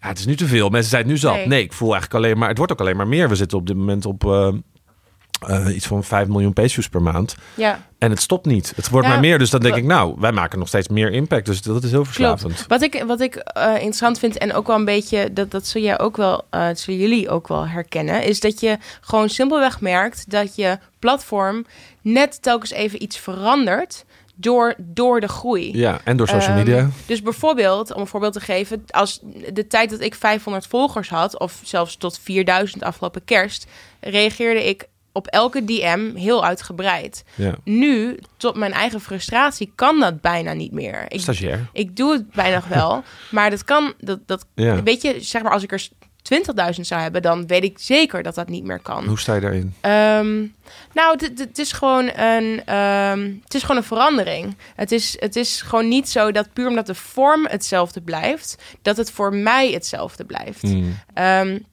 en, dat, dat, en om even in te haken op het, op het- op het geldverhaal. Wat ik super interessant vind, is dat mensen, dat je gewoon merkt dat mensen door het internet gewend zijn om dingen gratis te krijgen. Mhm. Ehm, en geld, zeg maar, zoals sponsorships, bijvoorbeeld associëren eigenlijk met een soort van corruptie. Of met een soort van, eh, Ja. dat, dat zit niet helemaal haaks. Of ze zijn eh, over onze rug eh, geld aan het Hoe verdienen. is het mogelijk dat ze geld Ehm, verdienen? terwijl heel veel Ja. mensen gewoon gratis consumeren. Dus die consumeren iets en die verwachten dat het gratis is. En op het moment dat er een haak, een, een, een financieel haak of oog aan zit, ja. of, zo- of dat nou een paywall is, of eh, dat, ze, dat ze denken, oh, huh, deze post is gesponsord, maar daar heb ik niet om gevraagd. Nee, maar je, krijgt- je, het, het, het, het, ehm, hoe zeg je dat? Het, het, het moet wel Nee, het moet niet hout zijn. Hoe zeg je dat? Het, het, het moet wel ergens vandaan komen. Ja. Het kan niet zo zijn. Je kunt niet een platform hebben. Dus bijvoorbeeld eh, voor mij nu. Ik heb een aantal speaking, eh, zeg maar, spreker-evenementen eraan komen. In de week van de Women's March. En voor de Melkweg ga ik iets doen. Eh, misschien een keertje voor tv iets. Dat ik dacht van, oh ja, ik wil dan eigenlijk wel gewoon een soort van lekkere powerful, eh, slick outfit daarvoor hebben. Ja. Maar ik heb zelf, ik heb heel weinig. Ik heb een enorm hoge studieschuld door onder andere mijn studie in Amerika, Eh, maar maar überhaupt daarvoor ook al. Ehm, dus ik heb gewoon heel weinig geld. Eh, dus ik kan niet een soort van super vette, slick outfit zomaar aanschaffen. Het is niet dat ik arm ben, maar ja, daar zitten gewoon limieten aan. Dat ik denk, oh ja, weet je, kijk, het, het, is helemaal niet, het is helemaal niet per se verkeerd als ik een keer een story plaats en daar bijvoorbeeld in een, eh, een, een Colbert wat ik, die ik draag tag naar een duurzaam merk of zo. Ja. Terwijl Oh, moet het dan duurzaam zijn? Nou, dat omdat vind- ik dat ja. belangrijk... Dan Ja. wil ik wel daar ethisch in zijn. Ja. Zeg maar, je, je, doet, je doet wat je kan. Ja. Ehm, maar dat is dus echt een gedachte die nieuw voor me is... sinds de afgelopen Ja. twee weken. Omdat er gewoon nog nooit van dat soort dingen sprake was. En dat ik dacht, oh... Ja, Ja, eigenlijk dus wel dat dat nog wel verder kan gaan. Want je kan ook bedenken, waarom start jij geen podcast? Waarom start jij geen tijdschrift? Waarom start jij geen eh, website? Waarom start jij... En dat is allemaal bij ons een beetje gebeurd. Ja, En daar moeten we ook nu wel vaak zeggen van... Nou, qua bereik zit ook wel even goed. eh laten we misschien even focussen op wat we al doen. Soms moet je ook wel denken... Ja, dat hoeft niet, maar over die kleren snap ik het, snap ik het heel goed. Ook Maar jullie experimenteren natuurlijk ook gewoon met, met verschillende dingen. Want je weet niet in hoeverre iets zal aanslaan. Nee. Of in hoeverre... En omdat we dat ook leuk vinden. Dus daarom zijn we ook gewoon zomaar deze podcast begonnen. Of eh, dat is niet altijd vanuit een commercieel oogpunt. Vaak omdat we weer meer impact willen maken. En Ja, met de podcast een ander verhaal kunnen vertellen dan we op Instagram kunnen doen of op onze website of op Facebook. Dus Ja. eh, wat, wat is iets geweest waar, wat jullie eigenlijk hebben gelanceerd of geprobeerd... waarvan je nu denkt, "Mwah, misschien niet nog een keer. te weinig. Eh, ja, kleine, even kijken. Ja. Mm, oh, dat vind ik echt vreselijk dat ik nu zo'n idee heb van eigenlijk niks. Eh, Ja, dus- nou ja, dat maar misschien ook. onthoud ik het niet. Ik sta nooit zo stil bij Ja, de... het klinkt heel cliché, maar je leert er ook van. Ik bedoel, die croissants hebben we toen een keer gedaan voor... Ja, we hebben bijvoorbeeld een event voor eh, onze jobspagina, onze vacaturepagina. Dat hadden we dan de best social croissants genoemd. Eh, dan kon je komen ontbijten en iets over vacaturemarkt en bla bla bla. En eh nou, buiten, het was gewoon een heel complex event inderdaad. Het staat mij ook meteen te binnen en eh, daar kwam niemand op af. Oh ja. Eh, maar de, waar, wat je ervan leert, het is één ochtend. Dus het is niet zeg maar heel erg dat dat Ja. dan wat minder oplevert. Dus het daarom niet echt een project. Maar wat je ervan leert is, dat staat wel echt heel ver af van wie we zijn. Want wij zijn normaal bezig met content cureren en over goede social media praten, slechte social media crea- creativiteit. Oh ja. En dat staat daar dan, dat is dan dat de vacaturemarkt, dat wij een vacaturewebsite hebben voor de leukste social media vacatures. Dat klopt nog wel. Maar dan een event over daar, over, over croissants met lezingen, wat helemaal niet meer gaat over die content cureren, is moeilijker voor ons om te verkopen. Dus als Ja. het verder van ons afstaat. Aan de andere kant, ik ben vorige zomer een eh, open-minded eh, dansfestival begonnen. Ja, past er ook niet echt bij. Oh, maar- hoe kwam dat? Ja, dat is mijn eigen liefde daarvoor. Dus vanuit, ik ben gaan DJ'en eigenlijk een beetje zoals jij Zijkschrift ben begonnen. Of zoals ik de best social media ben begonnen. Van ja, ik, ik lijkt me leuk om te DJ'en. Ik hoorde veel DJ's waarvan ik dacht, nou, vind ik niet zo goed. Ja. Eh, dan kan ik misschien zelf beter. toen ben ik het gaan proberen. En toen ben ik gaan DJ'en. En toen ben ik feestjes gaan organiseren. En dan doe je nog eens een keer een feestje. En dan doe je nog een ander feestje. En zeg je, nou, als je die twee feestjes nou combineert overdag, dan heb je een festival. En, oh ja, ja, moet ik misschien maar doen. En omdat je dus vanaf de best social media eigenlijk en iets daarvoor in mijn eigen freelancer zijn leert wat ondernemen is en gewoon dingen doen omdat je het interessant vindt, zoals een zijkschrift of een. Ja. Ja, durf je het ook sneller en eh, leer je ook, denk ik, van tevoren te besluiten wat je wel doet, wat je niet doet. Dus er zijn inderdaad Ja. waarschijnlijk wel onderweg dingen geweest waarvan ik dacht totale mislukking. Ja. Ja, echt genoeg dingen. Maar, wel- ja, weet je, het is wel grappig. er zijn wel ja. dingetjes, maar het zijn niet. Hey, ik heb niet een enorm grote. eh, Nee. eh, eh, wat Een helemaal mis is. Festival. Nee, nee, daar heb ik natuurlijk wel nacht. Het kan makkelijk gebeuren. Maar wel als in het- klein, als je kijkt naar bijvoorbeeld als we het weer even op redacties betrekken. Jij was eerst zelf verantwoordelijk en je schreef eerst zelf alle artikelen. Ja, Dat moest je op een gegeven moment natuurlijk wel uit handen geven nu aan ja. een andere Ik denk wat ik geleerd heb, of waar ik fout in ben gegaan, is eigen time management. Dus gewoon jezelf managen. Dus ik denk dat ik zelf veel persoonlijke eh, fouten heb gemaakt waar de lezer of mijn collega's niet zoveel van gemerkt hebben. Of, Oké. eh, dus het, hoe, het- bedoel je, hoe bedoel je dat? Nou, in je enthousiasme qua impact, bereik, alles doen wat je leuk vindt. eh, Dat Hmm. lukt op een gegeven moment. Dus dan kun je alles doen. En daarin moet je dus leren om. Dan zijn er ook heel veel dingen die je niet moet doen. Dus het leren nee zeggen Ja. en dat te vaak niet doen, dat zou dan denk ik mijn grootste falen geweest zijn. Dus te vaak zeggen, nou dat doen we ook. Of dat moet ik allemaal doen. Of dat moet ik allemaal Ja.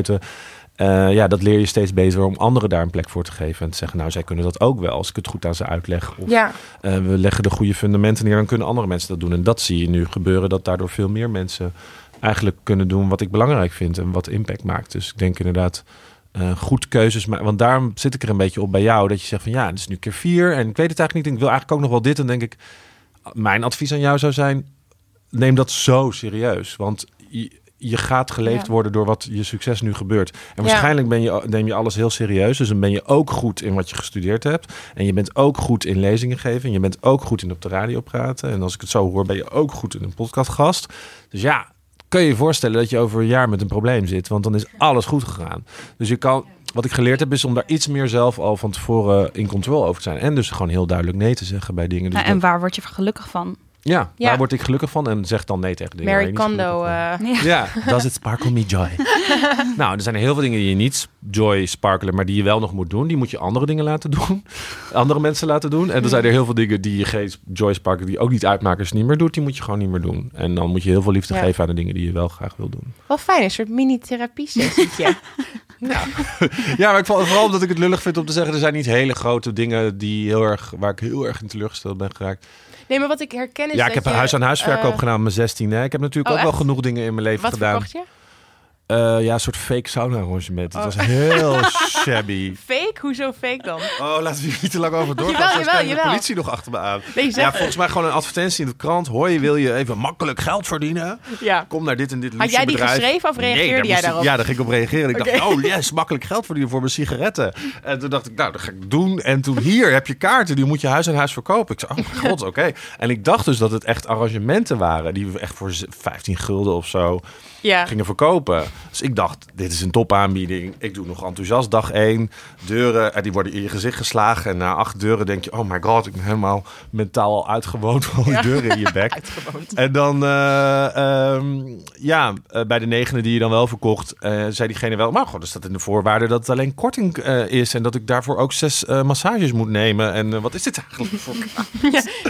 En dat ik bloot moet zijn. Oh ja, het is helemaal geen gratis arrangement. En eh, ja, of dat bedrijf bij de Ja. KVK geregistreerd was, dat heb ik niet gecheckt op mijn zestiende. Oh ja. Dus ik ben na een dag ermee opgegaan. Maar ik kan me wel altijd herinneren dat dat een soort van dieptepunt was. Van, Ja. oh, je hoeft niet alles voor geld te doen of alles te Ik, had doen. ook een, ik, ik, ik heb ook een vergelijkbaar dieptepunt. Ik heb eh, mensen een, een, eh, een, een, een hele lange zomer lang ehm, via de telefoon voor een of ander pensioenbedrijf pensioenadvies eh, verkocht.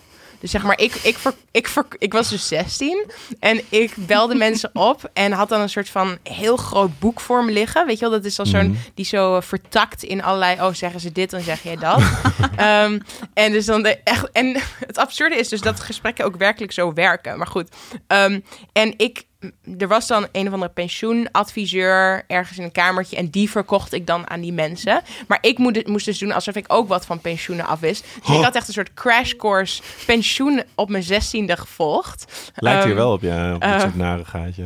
En het gaat dus alleen om eh, gewoon, ja, als, ik bedoel, mijn stem. Ik denk ook dat ze best wel konden horen dat ik gewoon fucking 16 was. Maar het was echt een hele intense zomer. En ook slecht betaald gewoon. Wel legaal waarschijnlijk. Je verkocht Dat geen neppensioen. of, ja, dat ik- ja. ik denk dat ik ook Tenminste, nog- ja, weet je, het is allemaal een beetje Ik heb gelukkig echt volgens mij één of twee verkocht of zo. Het was echt vreselijk. En we kregen alleen maar de opbrengsten van wat we verkochten. Dus dan had ik vijf euro op een dag Oh my god. deuren in mijn gezicht verk- verkocht. Het was echt heel erg.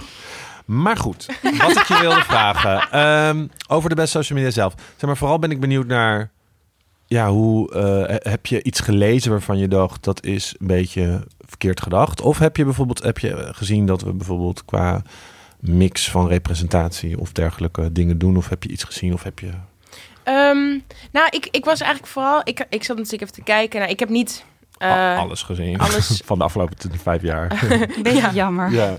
ik, heb, ik heb drie nachten mezelf opgesloten. Alles bestudeerd en geteld, geturfd sinds 2013. En de conclusie is... En ik heb hier zes bloknotes volgeschreven.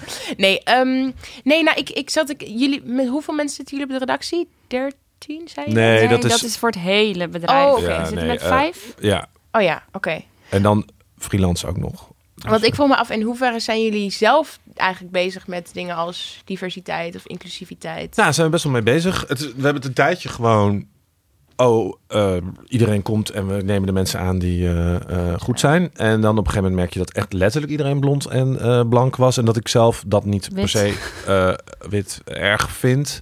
Eh, vond ik het wel lastig. Vooral wat ik er belangrijk aan vond, dat het niet echt een representatie is van onze volgers. Dus dat ik, vind ik belangrijk. Oh ja. Of dat vond ik in eerste instantie belangrijker. Ja, Dus dat ik denk, ja, wij schrijven over alles wat op social media gebeurt. Alles wat op social media gebeurt is een representatie van de wereld, slash Nederland, slash eh, nou ja, maatschappij waar we zitten. En dit klopt niet. En je merkt wel dat ehm, als er dus mensen komen die misschien niet uit dezelfde, zoals je dat heet, bubbel komen, dat dat heel goed werkt qua A, vind ik het belangrijk en B, wat merk je ook verschillen dan wat mensen Ja, aan, aanbrengen? precies.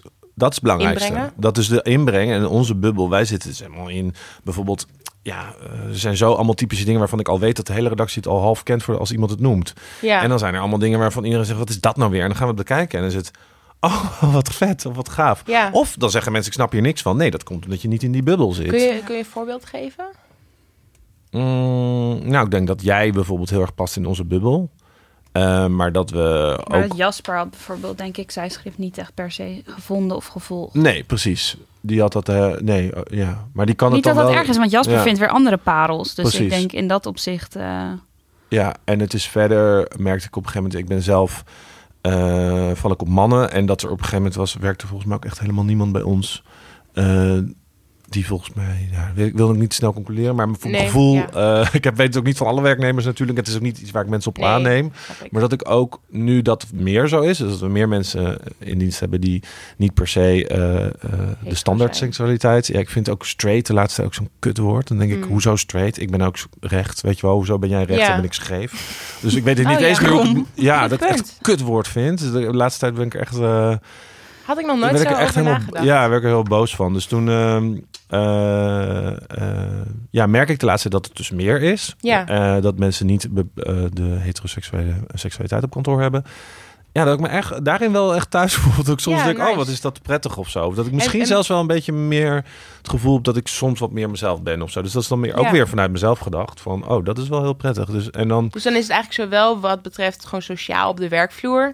als heb je ook het gevoel dat het dan weer spiegeld wordt in waar jullie over posten? Of... zeker. Oh, ja, ja, ja. ik want ook nu, wel, we hebben overal ogen. Ik bedoel, ik, nu we een vaste redacteur hebben bijvoorbeeld die niet hetero is. Ja. Ja, wij schrijven. Ik eh, merk dat ook van mijn vrienden. Die zeggen het wel steeds vaker. Van jullie schrijven echt vaak over ja. eh, dingen uit, eh, ja, uit, uit die hoek. Of ja, uit dat is eh, wel... kritiek op gay pride of zoiets. En dat, ja, het, het grappige is dus, wij zouden dat niet schrijven als het niet gelezen werd. Dat moet ik je heel eerlijk bekennen. Het wordt ook echt gewoon eh, verslonden, dat soort Ja. content. Nou, één misvatting bijvoorbeeld binnen de bladenindustrie is decennia lang geweest dat zwarte modellen op de cover niet verkopen. Ja, En je merkt dus dat dat gewoon niet waar is. ja. Eh, afgelopen september stonden er meer wereldwijd meer modellen van kleur, dus ook eh, Aziatische modellen of Ja. andere. Ja, ik kijk het over namelijk uit seksualiteit en kleur. Ik ben er eerlijk gezegd niet heel veel mee bezig. We hebben bijvoorbeeld wel een jury bij de awards. En dan hebben we wel momenten gehad van, oh fuck, eh, Ja. iedereen komt uit dezelfde. Ja, ik kijk altijd meer Nee, naar. nee, maar- nee, maar kijken dus- altijd meer naar. Ik kijk meer zelf naar windrichtingen of zo. Weet je wel, komt alles Ja. uit mijn bubbel? Want dan gaan we het allemaal vanuit onze bubbel. Dus dan bedoel ik alles uit mijn soort leven. Dus mijn leeftijd.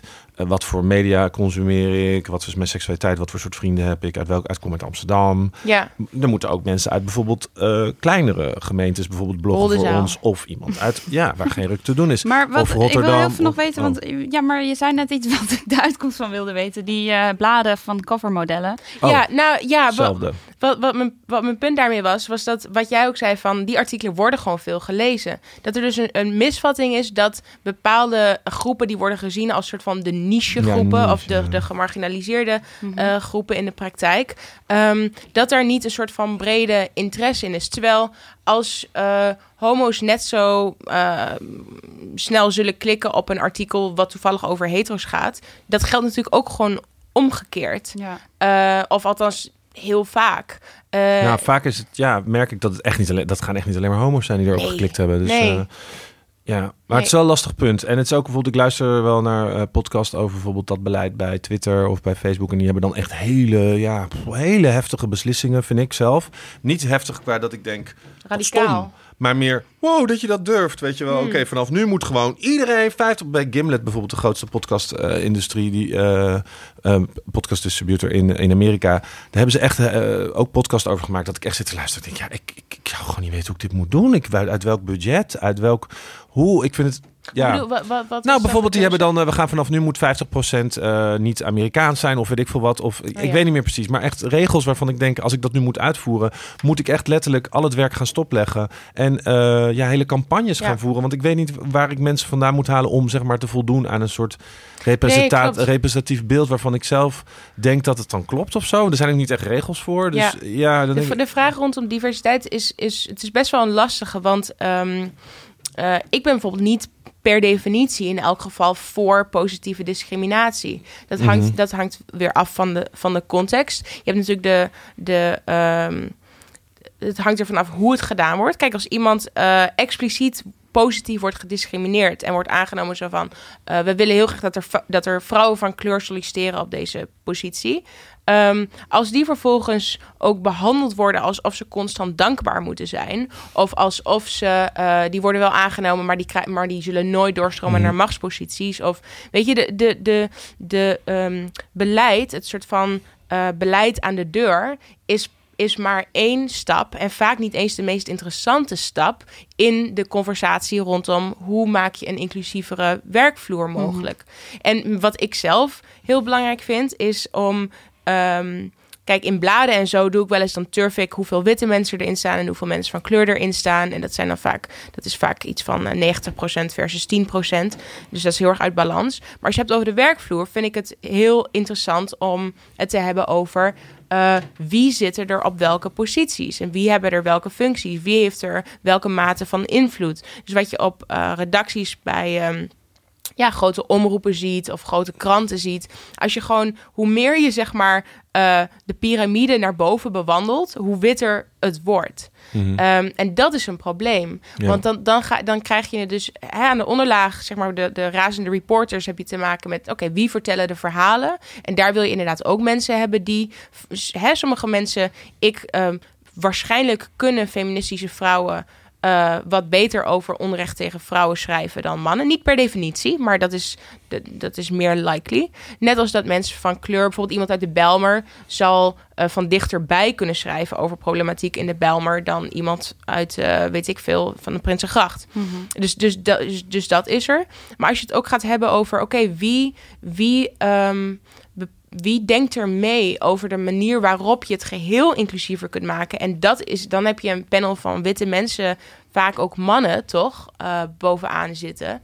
Ja, dan, dan is dat al, zeker in die echt oude, oude bolwerken, hiërarchische bolwerken van, van omroepen en zo, is dat heel lastig om daaraan te verandering in te brengen. Ik denk namelijk meteen van, ik weet gewoon soms niet bedrijftechnisch hoe ik, het op, hoe ik dat zou moeten veranderen. Ja. Nou ja, bijvoorbeeld ehm, iets wat ik, wat ik, wat ik bij, bij echt grotere redacties en omroepen vaak denk, is zeker bijvoorbeeld de publieke omroepen die gewoon een, een vaste geldbron hebben. ehm, dat ik denk, investeer in. Haal één persoon binnen. In plaats van dat je de hele tijd een soort van eh, work, korte, kortzondige workshopjes doet hier en daar. Of zo van hè, twee keer per jaar komt er iemand spreken over diversiteit. Nou, dat, dat, en dat is al goed, dat wil ik niet bagatelliseren. Maar maak er ook iets structureels van. Maak er een soort van continu reflectieproces in. Dat je bijvoorbeeld iedereen of bepaalde eh, groepen van je redactie ook vraagt om actieve feedback specifiek op, op dat front. Of hebben een soort van ombudsmens wat dat continu in de gaten houdt. Voor een klein bedrijf natuurlijk wel moeilijk. Ja, nee, dat, dat zie ik ook heel erg in, ja. Ja, Maar ik denk dat we hebben het nu over de werkvloer. Ik denk dat het ook heel belangrijk is om te kijken naar wat er uitgaat naar onze miljoenen lezers. Zeg Mhm. maar. Als je daarnaar kijkt, vind ik dat nog veel belangrijker. Ook wat voor beeld je schetst. Dat is ook belangrijk, ja. Ja. En ja, dat is ook vaak wat, natuurlijk wat jij bekritiseerd. ja. Ehm, ja, en daar kijken we nu niet heel erg naar. Nou ja. Balans, nee, wij kijken daar niet naar. En Wat krijgen jullie, wel eens, eh, krijgen jullie wel eens kritiek, e-mails binnen? Jasper van mij. Ja. Nee, ik denk dat we Jasper we zijn er wel, we proberen ermee bezig te zijn. Maar ik bedoel, ik denk dat er een hele grote blinde vlek op veel onderwerpen zit. Waar eh, ja, wij gewoon niet zoveel van afweten. En waar we ja, meer over kunnen gaan leren. Ik denk dat twee, twee jaar geleden of zo, of eh, een jaar geleden, of nee, toen Jasper begon in ieder geval. Toen op een gegeven moment zag ik online dat er een soort, ja, bij de mensen die ik volgde die in de media werken, eh, beeldbanken werden gedeeld waar ook mensen van kleur dan in zitten. En toen realiseerde ik me, wij gebruiken elke dag stokbeeld voor headers en dat soort dingen. eh, posten op Instagram om tweets op te zetten. En we hebben daar nooit bij stilgestaan dat als je bij Pexels gewoon iemand intypt, eh man with headphone, dan krijg je gewoon altijd witte mensen. En daar sta je dan niet bij stil. En toen dacht ik, oh, dit is wel een goede om door te sturen naar de redactie van, hallo, gebruik deze, deze, deze linkjes, Ja. want daar zitten ook ja, andere kleuren. Ja, ik heb daar zelf eh, nog wel een vraag over aan je. Want ik hoorde je in een andere podcast zitten en toen voelde ik me opeens heel erg... eh, ja, ik kwam een soort van in de knel daarover. Jij zei eh, heel veel platforms, websites of magazines... ik weet eigenlijk niet meer precies wat je zei... die gebruiken andermans heftige meningen om dan zelf iets over te schrijven. Maar die brengen gewoon dan een best wel problematische mening of een standpunt... eh, neutraal en pleuren dat neer en doen er, eh, doen er verder niks mee. En toen dacht ik, ja, dat is eigenlijk eh, wat wij doen. Wij cureren wat we zien en we proberen daarin een neutrale houding aan te Ik was benieuwd, hoe vind jij dat om op... Ja, Ja, ik zal niet meteen vertellen waarom we dat doen, maar dat Ja. doen we wel met een reden. Jij schreef, je kan zoiets niet brengen zonder van tevoren te zeggen... zo, er komt nu eens even een mening aan of daar vinden we zus en zo van. Of je moet je kleur in bekennen. En toen dacht ik, ja, maar straks is er niks meer wat geen kleur bekent. Is het niet nodig dat, zoals een soort NOS probeert... moeten er niet platformen zijn waar je gewoon dingen op kan vinden... waar je zelf je mening over kan vormen? zeker, ja. Nee, het is ook helemaal niet... ehm, ik weet even niet meer precies in welke context ik dat... Ik, ik, ik Weet je precies waar, zei. ongeveer ik op- waar ik op doel? Je zei iets van ehm, dat soms magazines iets heel. Dat, want het is wel een trucje waar ik het wel mee eens ben dat je dat zegt. Want soms Ja. denken wij ook: oh, dit is vreselijk, dit gaat scoren, Ja. dit moeten we laten zien. Nou, wat kijk, we dan ik- doen is wat ik dus een irritant artikel vind, is als we zeggen: Nou, moet je dit eens zien, dit is vreselijk en dat kan echt niet. En hier komt het. En Ja. wij zeggen. Nou, we hebben even iets voor je hier. We bieden het je even aan. Ja, ja. En dit zeggen mensen erover. Dat doen we dan ook. Dan Ja. laten we A Of zien, er is een B. rel gaande. Er is een Nee, mening A, is- er is een mening B, er is nog een neutrale mening D. Groetjes. En dan doen we nog misschien een poll of zoiets van dat mensen zelf mogen bepalen. dat, dat lijkt me helemaal prima. En ja, ik kwam een beetje in de knoop omdat ik dacht, Nou, misschien een goed voorbeeld is onlangs... je brengt wel eh, dan in- extreme meningen waar jij het niet mee eens bent. Is dat dan... Nou, bijvoorbeeld, ehm, misschien is er, is een goed voorbeeld die, die column van Ebru Oemar in de Metro twee weken geleden. Waarin zij, zij is vaste columnist voor de Metro. Metro heeft een oplage van iets meer dan een half miljoen. ehm, die een miljoen keer gelezen wordt, omdat mensen het zeg maar achterlaten in de trein. Dus wordt Ja. veel gelezen. Nou ja, zij heeft daar een vaste column. Zij is altijd lekker provocatief. En ehm, ja, ik vind haar. Laten we zeggen, zo zeggen, ik, ik ben het niet met haar eens. Ehm, op veel punten. Maar goed, zij had een column waarin zij zei: asielzoekers die in Nederland aankomen, moeten gesteriliseerd worden. En ehm, vrouwen die zwanger zijn, die, asielzoekers die, die zwanger zijn, die moeten, die moeten per omgaande het land uitgekikt worden. Want zodra ze bevallen, dan hebben ze een lekker trucje gepleegd. Want dan, eh, dan mogen ze niet meer het land uitgezet worden. Dus weg ermee en preventief laten steriliseren. Ehm, ik vond dat. eh, kijk, ik, ik vind dat een walgelijke mening. Ehm, prima, als zij dat in een kroeg wil verkondigen, swa. Het feit dat de metro dat had gepubliceerd, vond ik heel erg kwalijk. Ehm, dus als je mij vraagt van wanneer, waar, waar komt redactionele verantwoordelijkheid kijken, dan vind ik dat onder het mom van vrijheid van meningsuiting mag van mij bijna alles gezegd worden. Maar er is wel een punt waarop je denkt: oké, wat voor dingen normaliseren we? Dus in het Ja. geval van steriliseren van asielzoekers, denk ik echt: nou, sorry hoor, maar niet in mijn krant. Of En niet stel je in- voor dat daar een uh, Twitter-rel over ontstaat. Uh, jij gaat er een Instagram-post over doen. Uh, Georgina Verbaan staat op de achterste benen. Maar ook uh, Jan Roos doet er een virale tweet over die 800 keer gelezen wordt. Het is trending. En de redactie zegt, Diet, uh, we moeten hierin mee met die e-book-column. Dit gaat helemaal, dit is een En jullie zouden daarover... Dan schrijven wij, dan Ja, schrijven ja, wij maar daar dan vaak over. Behalve dit is wel een heel negatief onderwerp... Ja. waarbij we dan vaak denken, voegt het iets toe... dat wij nog iets negatiefs hieraan gaan toevoegen. Maar als het een ander extreem voorbeeld is... waar misschien niet zo'n eh zwart Nee, randje bijna nee, omheen maar zit... vind ik prima. Vind je dat wij dat meningloos kunnen brengen? Ja, nou, maar volgens mij doen je... Ik bedoel... Dat doen we namelijk. Wij zouden dat meningloos brengen. Ik zou zelfs de redactie vertellen als er stond... nou, die belachelijke Ebro en Nee, toen nee, die belachelijke prima. Jan Roos... en dat is me allemaal wat. Eh, Als ik- jullie- ik zou er luister, eerder voor als kiezen... jullie- hier heb je iets en vorm je mening. Prima. Ik, Ja? ja? dat, als jullie die, die, die column, tuurlijk, als jullie die column van haar posten en je zet daaronder en dit vond Jan Roos en dit vond uh, Zijkzes. Ja, in dat Ja. opzicht Whatever. laten we wel zien wat ook andere mensen vinden. Dus dan, je laat Ja. niet alleen die column zien van Ja, kijk eens, dit wat- schreef ze. Wat jij ook zei, Kato. Jij zei in het voorgesprek tussen ons van... ja, maar we kiezen er wel voor om A te laten zien... waar we het vaak mee eens zijn. En heel veel dingen waar we niet mee eens zijn, gaan we niet laten zien. Ja, Dat is natuurlijk wel... Ja, dat is dan de enige kleur die we eraan geven. we zijn allemaal We zijn geen mensen. NOS namelijk. Ik ben ook niet gesponsord door heel Nederland. Nee te- maar, eh, nee, maar zelfs de NOS heeft bepaalde dingen die ze wel plaatsen en bepaalde dingen Ja, die, ze- die ze niet maar plaatsen. zij proberen natuurlijk wel eerder in verband met subsidie en in verband met het platform van heel Nederland zijn, Ja. een balans daarin te vinden. Terwijl ik denk, ja, fuck balans. Want in principe kunnen we het natuurlijk wel zelf bepalen. Alleen ik vind het prettig dat de, dat de mensen weten dat wij proberen zelf erin neutraal te zijn en de Ja. keuze en de mening bij de bezoeker neer te leggen. Nee, maar voor mij is er, is er een, een- gewoon een radicaal onderscheid tussen ehm, eh, echt zeg maar gevaarlijke meningen en ehm, die zij van mij prima op Twitter mag pleuren. Mhm. Of in een kroeg mag verkondigen. Landvrijheid van Of, meningsuiting. eh, ja, ja. of voor een, een- zelfs een grote zaal met mensen mag, Ja. mag zeggen. Maar dan, dan zou ik zeggen, oké, door wie is zij geprogrammeerd? Of welke redactie geeft haar nu een platform? Die wil ik dan Ja, aanspreken. mits Metro het daar dus volledig mee eens is. En ook zegt inderdaad, we zijn het hiermee eens. En wij geven je nu het platform om dit te vertellen. Nou, ik denk niet dat de metro het eens is. Ik, Maar dat is inderdaad wel... proble- Ja, ik ben het wel met je eens dat het problematisch is... dat je de columnist dat dan laat zeggen. Ja, want je, je, je, ehm, ja, kijk, ik heb ook niet op alles een. Ik, het is niet zo dat ik een soort van eh 100% uitgedacht idee heb over hoe dit soort dingen moeten werken. Maar ik weet wel dat in het geval van Ebru Umar mijn gut feeling gewoon gelijk zei van dit gaat te ver. Ja. Retoriek die tijdens de Tweede Wereldoorlog gebruikt werd om homoseksuele, geestelijk gehandicapten en homo's eh, te castreren of te steriliseren. Om vaak vervolgens gewoon te vergassen. Eh, op het moment dat, dat de nazi's dat soort praktijken deden. en jij haalt nu letterlijk zo'nzelfde strategie aan. in een krant die door een miljoen mensen gelezen wordt. echt fuck off. Ja. Ja. Nou ja, fuck off, Ebru. eh, maar eigenlijk ook, je, je, je klacht is meer nog aan Metro, ja. toch? Ja. ja, ja, Sowieso. Ebro. Maar, maar ja, maar Hebben zij gereageerd eigenlijk, de metro? nee. Oh, ja. Vind jij dat wij eh, moeten tellen hoe onze representatie is over de artikelen die we schrijven? Ehm, Of een keer proberen? Ja, dat zou je best eens kunnen doen. Ja, ik heb het niet gedaan bij jullie. Ehm, ik, er was ook niet iets wat mij... Ik heb, ik heb door jullie eh, ja, je hebt niet zo'n onderwerp gezien. website zitten, zitten browsen. Ik had niet iets van... Kijk, ik bedoel, heel vaker dan niet.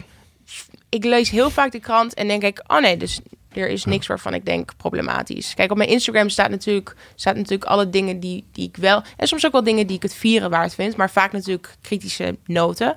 Maar ook heel vaak vind ik dat het wel heel erg goed gaat. Ja. Dat is misschien soms een beetje het ding met de Instagram-account. Dat het misschien heel erg de indruk kan wekken dat, eh, dat het medialandschap helemaal naar de tering is. Dat is totaal niet zo. Nee. Dat vind ik ook oprecht niet. En ik kaart ook heel vaak dingen aan als ik zeg, nou, dit vind ik goed gaan. Ik vind het goed dat de Glamour en de Cosmopolitan Oh, heel ja? veel eh, recentelijk aan het plaatsen zijn over hoe kun je als vrouw goed onderhandelen op de werkvloer. Of ik vind het heel goed dat de Tina voor meiden van elf eh, artikelen schrijft waarin, eh, waarin ze zegt van eh, zo kun je lekker koken met je broer.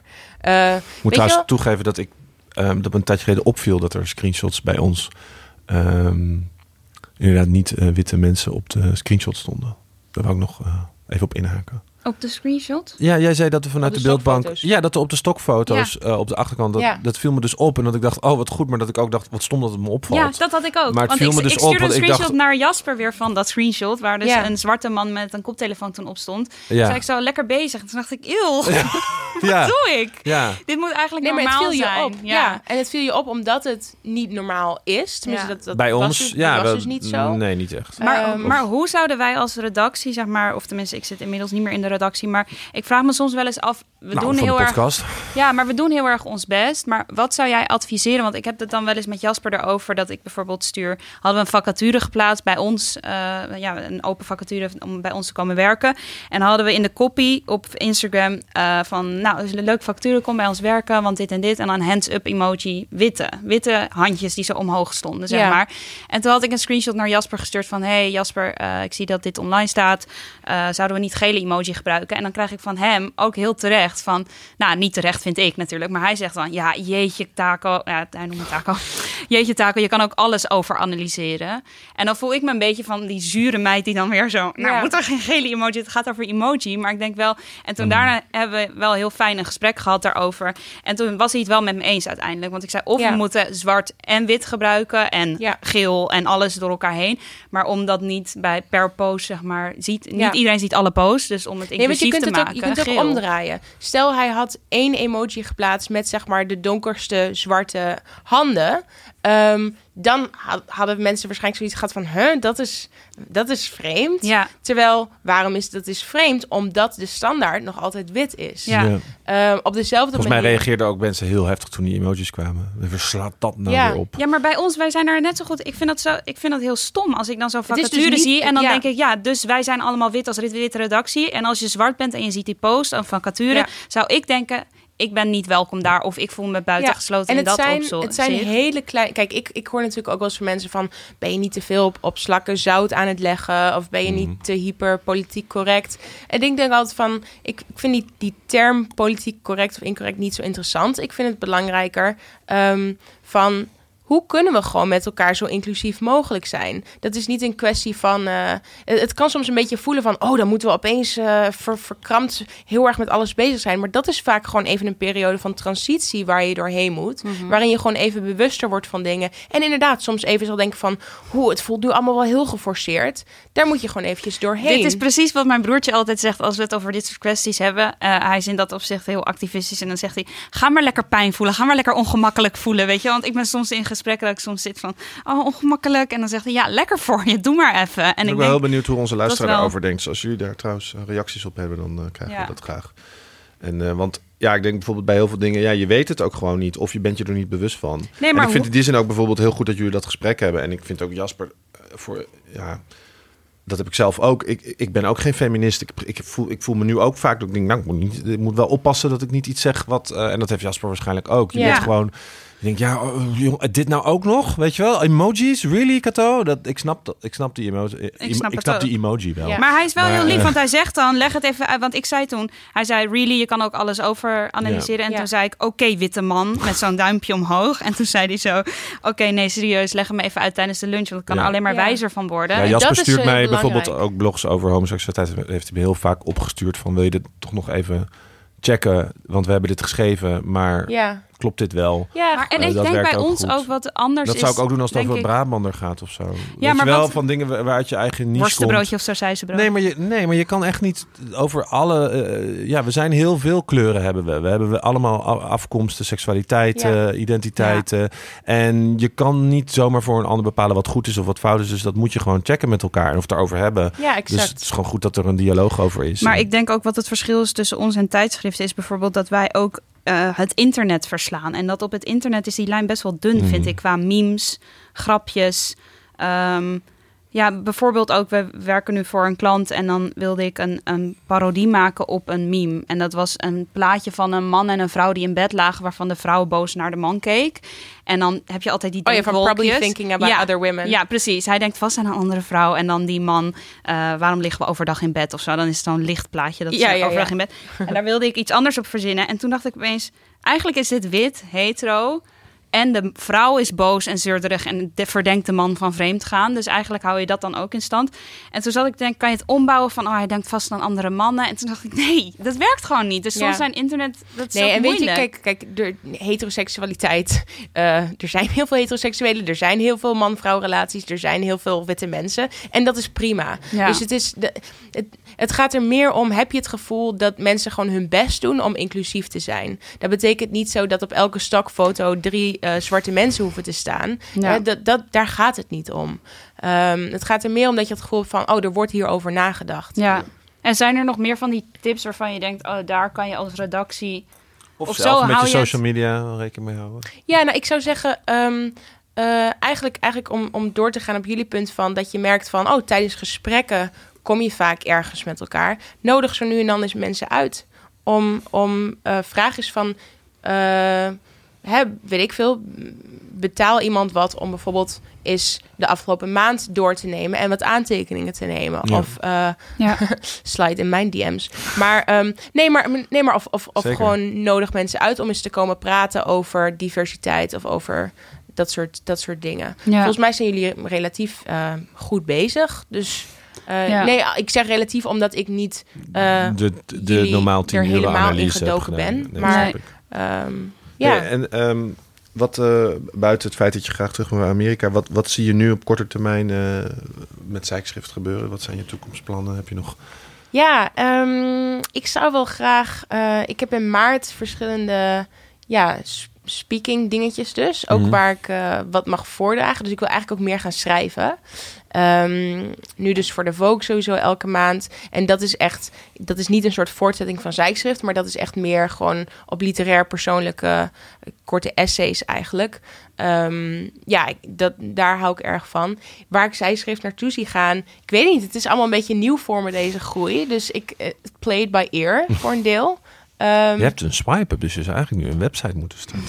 Ja, ik heb niet eens Je kan een de hele tijd allemaal eh, merchandise Nee, lekker pushen. Instagram houden. Je shirts. Ja, Koop Nee, nu maar je het is wel heel schattig. Ik krijg, ik krijg een enkele keer een DM van... eh, mag ik stage bij je komen? Bij, Oh. bij- mag ik stage bij jullie komen lopen? Ah. Heel cute. Ehm, maar Zie je dat voor je, dat mensen gastredacteuren of... eh, nee, nee. Ik hou het... eh, ik, ik, ik ben ook niet ehm, geïnteresseerd om het... Ik bedoel, zeg nooit nooit. Maar ik, ik wil het niet soort van tot een heel groot ding Ja, gaan ja. maken. Nee, en niet tot Ehm, in juli, denk ik toch? Want ik, nee. ik zag ook laatst dat je had gezegd in de stories eh, van ja, dat er mensen je net gingen volgen en dan opeens dachten wie is die meid die duiven filmt en in haar koffie roert en waarom zit zij telkens in die stories? En ik volg jou niet daarom. Daar had je toch laatst een story ja, over? dat, dat mensen soms, omdat je dan eh, zeg maar boven een bepaald aantal volgers bent, dat, dat mensen dan, en het heet natuurlijk zijschrift, het heet niet Madeleine van de Nieuwenhuizen, Mhm. dat ze denken, oh, dat zal wel, er zal wel een team achter een zitten. instituut. Eh, ja. Maar dat is niet zo. En dat vind ik ook wel. Ik vind het ook wel belangrijk om het bij mezelf te houden, omdat het eigenlijk hele. ehm het zijkschrift is heel erg een verlenging van mijn eigen persoonlijke gedachteproces. Dus ik zou ook geen manier zien om dat. eh, Maar eh, bij 20.000 niet meer DM's kunnen beantwoorden. Geen stagiair die dat eh, met een draaiboekje allemaal kan. bij vraag X moet je zo reageren. bij vragen Z. Ja, nee, ja, het, ik, ik weet het niet. Hmm. Ik denk het niet, maar ja, je kunt het nooit helemaal voorspellen Nee. natuurlijk. Maar Ja, anders zou ik je... Ik dacht zelf nog van misschien moet je anders gewoon af en toe tegen je volgers zeggen. Weet je, ik kan er niet allemaal op reageren. Maar wil je me nou een vraag stellen, dan ga ik volgende week of, eh, een livestream Li- doen ja. of zo. Dan ga je gewoon live wat vragen beantwoorden. Of dat je op die Ja. manier wel die interactie kan houden. super goed idee trouwens. Ik moet gewoon een keer een livestream. Ja, en Ja, dan kan je maar waarom van, heb je dat nog niet gedaan? Vind je dat ook spannend? Of, eh, Ehm, nee, ik vind het niet spannend. Het is meer. Ehm, ja, in mijn stories zijn natuurlijk. Ik vind, het, ik vind het wel leuk dat mijn feed en mijn stories eigenlijk heel verschillend zijn. Hoewel stories soms ook wel over media gaan, is het ook gewoon een. Ik heb het er vaak ook over meer politieke dingen. Of leuk over feministische dingen. Of kattenmemes of whatever. Het is een beetje een soort ratje toe. Ehm, dat, ik, dat ik als ik iets heb van een livestream zou. Ja, dat zou, dat zou een soort derde ding zijn. Maar inderdaad, op zich een Q&A zou daar Hm. wel een goede voor zijn. Precies. Kijk, ik leer allemaal dingen van jullie. Ja, heb ik nog een laatste vraag aan je. Ehm, heb je zelf eh, social media accounts? Dus ik wou zeggen tijdschriften, maar ja, misschien wel tijdschriften op social media of Amerikaanse voorbeelden. Dat je zegt, dat is echt tof om te volgen. Dus dat ze als ze naar zijschrift nog meer, ehm, ja, gewoon echt inhoudelijke dingen waarvan jij zelf veel geleerd hebt. Of heb je een eh, geniale tip? Ehm, ja, ik gebruik zelf Instagram eigenlijk... ik Niet? volg- Nee, ja. Kut platform. Ehm, nee, ik, ehm, eh, ik volg wel een paar eh, activistische accounts. Ehm, maar ja, eigenlijk ook... Ik gebruik het vooral ook heel veel om kunst te bekijken. En Hmm. architectuur en mode. Heb je daar een voorbeeld van? eh? Ehm, art history meme. nee, ehm, Nou, dat zijn, dat, dat klinkt, Art Hallo, dat is Memes. enig. klinkt Ja. best wel leuk. Ken ik niet. Of Ehm, ken ik wel. Ken jij dat? dat zijn zeg maar Oh. schilderijen, en, maar dan met meme. Oh, erop. Echt gewoon, ik kan er echt gewoon Leuk. tot vier uur s'nachts naar kijken. Nee, maar verder, ehm Damn Honey, het boek is wel een, account, is een eigenlijk een feministisch Nederlands account, wat ik leuk vind. Waarin je ook in die podcast zat, toch? Dus dat kunnen ja, mensen klopt. ook Die vroegen me terugluisteren. ook ja. eh, voor een Ja. podcast. Dat was, dat was leuk. Ehm, even the top of my head. Ehm, En de Linda. oh, wat ik een hele leuk... ja, nee. Ehm, Nee. Wat ik, ja, nou, Nee. nou nee, ik, ik, ja, ik volg de bladen wel een beetje, natuurlijk op social media. Maar ehm, ehm, ik vind, er is een leuke ehm, journalist in New York die ik altijd graag vol, eh, eh, volg. Haar tag is eh Hallimer, dus H-A-L-E-M-U-R. Zij schrijft onder andere voor Man Repeller. En zij schrijft hele leuke essays over eh, wat het is om New Yorker te zijn en feminist te zijn. En ik vind haar heel tof. Dus ik volg eigenlijk meer individuen dan echt hele activistische accounts zelf. Nou, ik vind het al genoeg tips hoor. En heb je nog eh, opmerkingen, vragen? Of eh, wil je nog een shout-out doen? Van behalve het zijkschrift kun je ook volgen Mijn moeder. je hond. Ehm, ehm, nou, dan even een shout-out naar mijn, best, mijn BFF, Laura. Laura, we got you. Laura de gekste. Kato, heb jij nog vragen? Nee, eigenlijk niet. Eh, nou, misschien ik had eh, afgelopen... Ik word helemaal loken van die zon die de hele tijd in mijn ogen schijnt. Zien de luisteraars niet. Nee, sorry. Ehm, Wat ik dus leuk vond afgelopen week, wat Nicola mij liet zien, eh, Nicola, eh, dat je filters op je hoofd kunt plakken die door individuen, kleine mensen op Instagram zijn gemaakt. Ja, dat dus klopt. dat ben ik helemaal aan het uitvinden. Ik vind het fantastisch. Het zijn gewoon creatieve dingen die je op je hoofd kunt plakken. En dat zie je dan linksbovenin staan door wie het is gemaakt. Klik je daarop en dan zet hij het Ja. op je eigen hoofd. Ja, die zijn echt super Heel Ja, vet. Maar het zijn zulke kleine accounts. Echt Maar heb je 2000 of zo. voorbeelden? Nee. Ja, bijvoorbeeld dat je zo shiny, dan is het net alsof er een soort gel over je gezicht Ja, ligt. het is echt Die is helemaal... Maar wij beloven dat we het de komende tijd in het zonnetje zetten. Een keer op de site. Heb ik, en dan eh, kunnen mensen dat blog. terugvinden. Ja, maar er zijn inderdaad heel veel van die toffe, toffe filters. Anders heeft volgens mij Vogue eh, er ook een tof artikel over geschreven. Oh, nice. In Italië. Oh ja, wacht, ik bedenk ik- me nu volgens mij Italië. Maar goed, het wordt nu nog rommeliger. mag er zijn hele leuke filters. Mag ik nog één shout-out doen? Ja hoor. Oké, 9 maart, Women's March in Amsterdam. Kom allemaal. Oh. Woehoe! Nou, en dan heel heb ik ook nog een shout-out, want vanaf nu kun je inzenden voor de Best Social Awards. Ehm, dus heb jij heel tof werk gemaakt met je bedrijf, met je merk, met je account en wil jij kans maken op een The Best Social Award, dan kun je op dit moment daarvoor eh, inzenden via www.thebestsocialawards.com. En je kan er ook eventuele suggesties doen voor toffe Instagram-accounts of leuke twitteraars waar je fan van bent. Dat kun je gratis ook nog doen via de site. Dus ga gewoon even naar de site, dump daar alles aan ons wat je aan ons wil laten zien. En dan eh, gaan we daar prijzen voor uitreiken in eh, juni. Nou, dat zit erop. Zijkschrift. ja, leuke tip. Bedankt. Kenden we nog niet. Dat was het. Madeleine, van harte bedankt. Heel erg bedankt. Leuk. Eh, ik wil Brit en Volkert eh, bedanken voor de techniek en de redactie. Kato bedanken. Jasper vanaf zijn vakantie. Ook fijn dat hij er een keer niet was. Waar is hij eigenlijk? Hij doet zoiets leuks. Hij is nu een, bij de Garbage Run doet hij mee. En dat is dus, ik ken het ook niet, maar het zijn allemaal auto's. Het is buiten mijn bubbel. Die gaan racen en die krijgen per dag een opdracht. Dus vorig jaar hadden ze bijvoorbeeld opdrachten van... maak een foto van de kont van een Dalmatiër. En nu hebben ze bijvoorbeeld... Zijn Heel ze, seksistisch. ja, nou, er was eentje die was seksistisch. Daar heb ik Jasper ook gelijk over de end. Oh, en toen zei hij, ik wist dat ik van jou kreeg. Dit, dit was... Eh, hij is in Zweden en ze hebben ook allemaal opdrachten die te maken hebben met eh, het land zelf. Dus het was zo. In Zweden zijn vrouwen heel erg geëmancipeerd. Maar laat maar even zien dat ze dat echt zo zijn. Laat een vrouw je auto trekken. dat was de opdracht. En zo stond het er ook van. Jasper. Maar zijn ze echt wel zo sterk? Oh zo, ja. oh ja, zijn ze echt wel zo sterk? Jasper Maar- had niet de opdracht bedacht. Nee, precies. Maar hij heeft hem wel uitgevoerd. Ik zag een eh, blonde, knappe Zweedse vrouw zijn auto trekken. Zo Dus, zie je eh, maar weer. Ja. Zo zie je maar neer. Het Jasper Schilder, als je, benieuwd, zijn. als je dit voor het eerst luistert en niet weet wie Jasper is.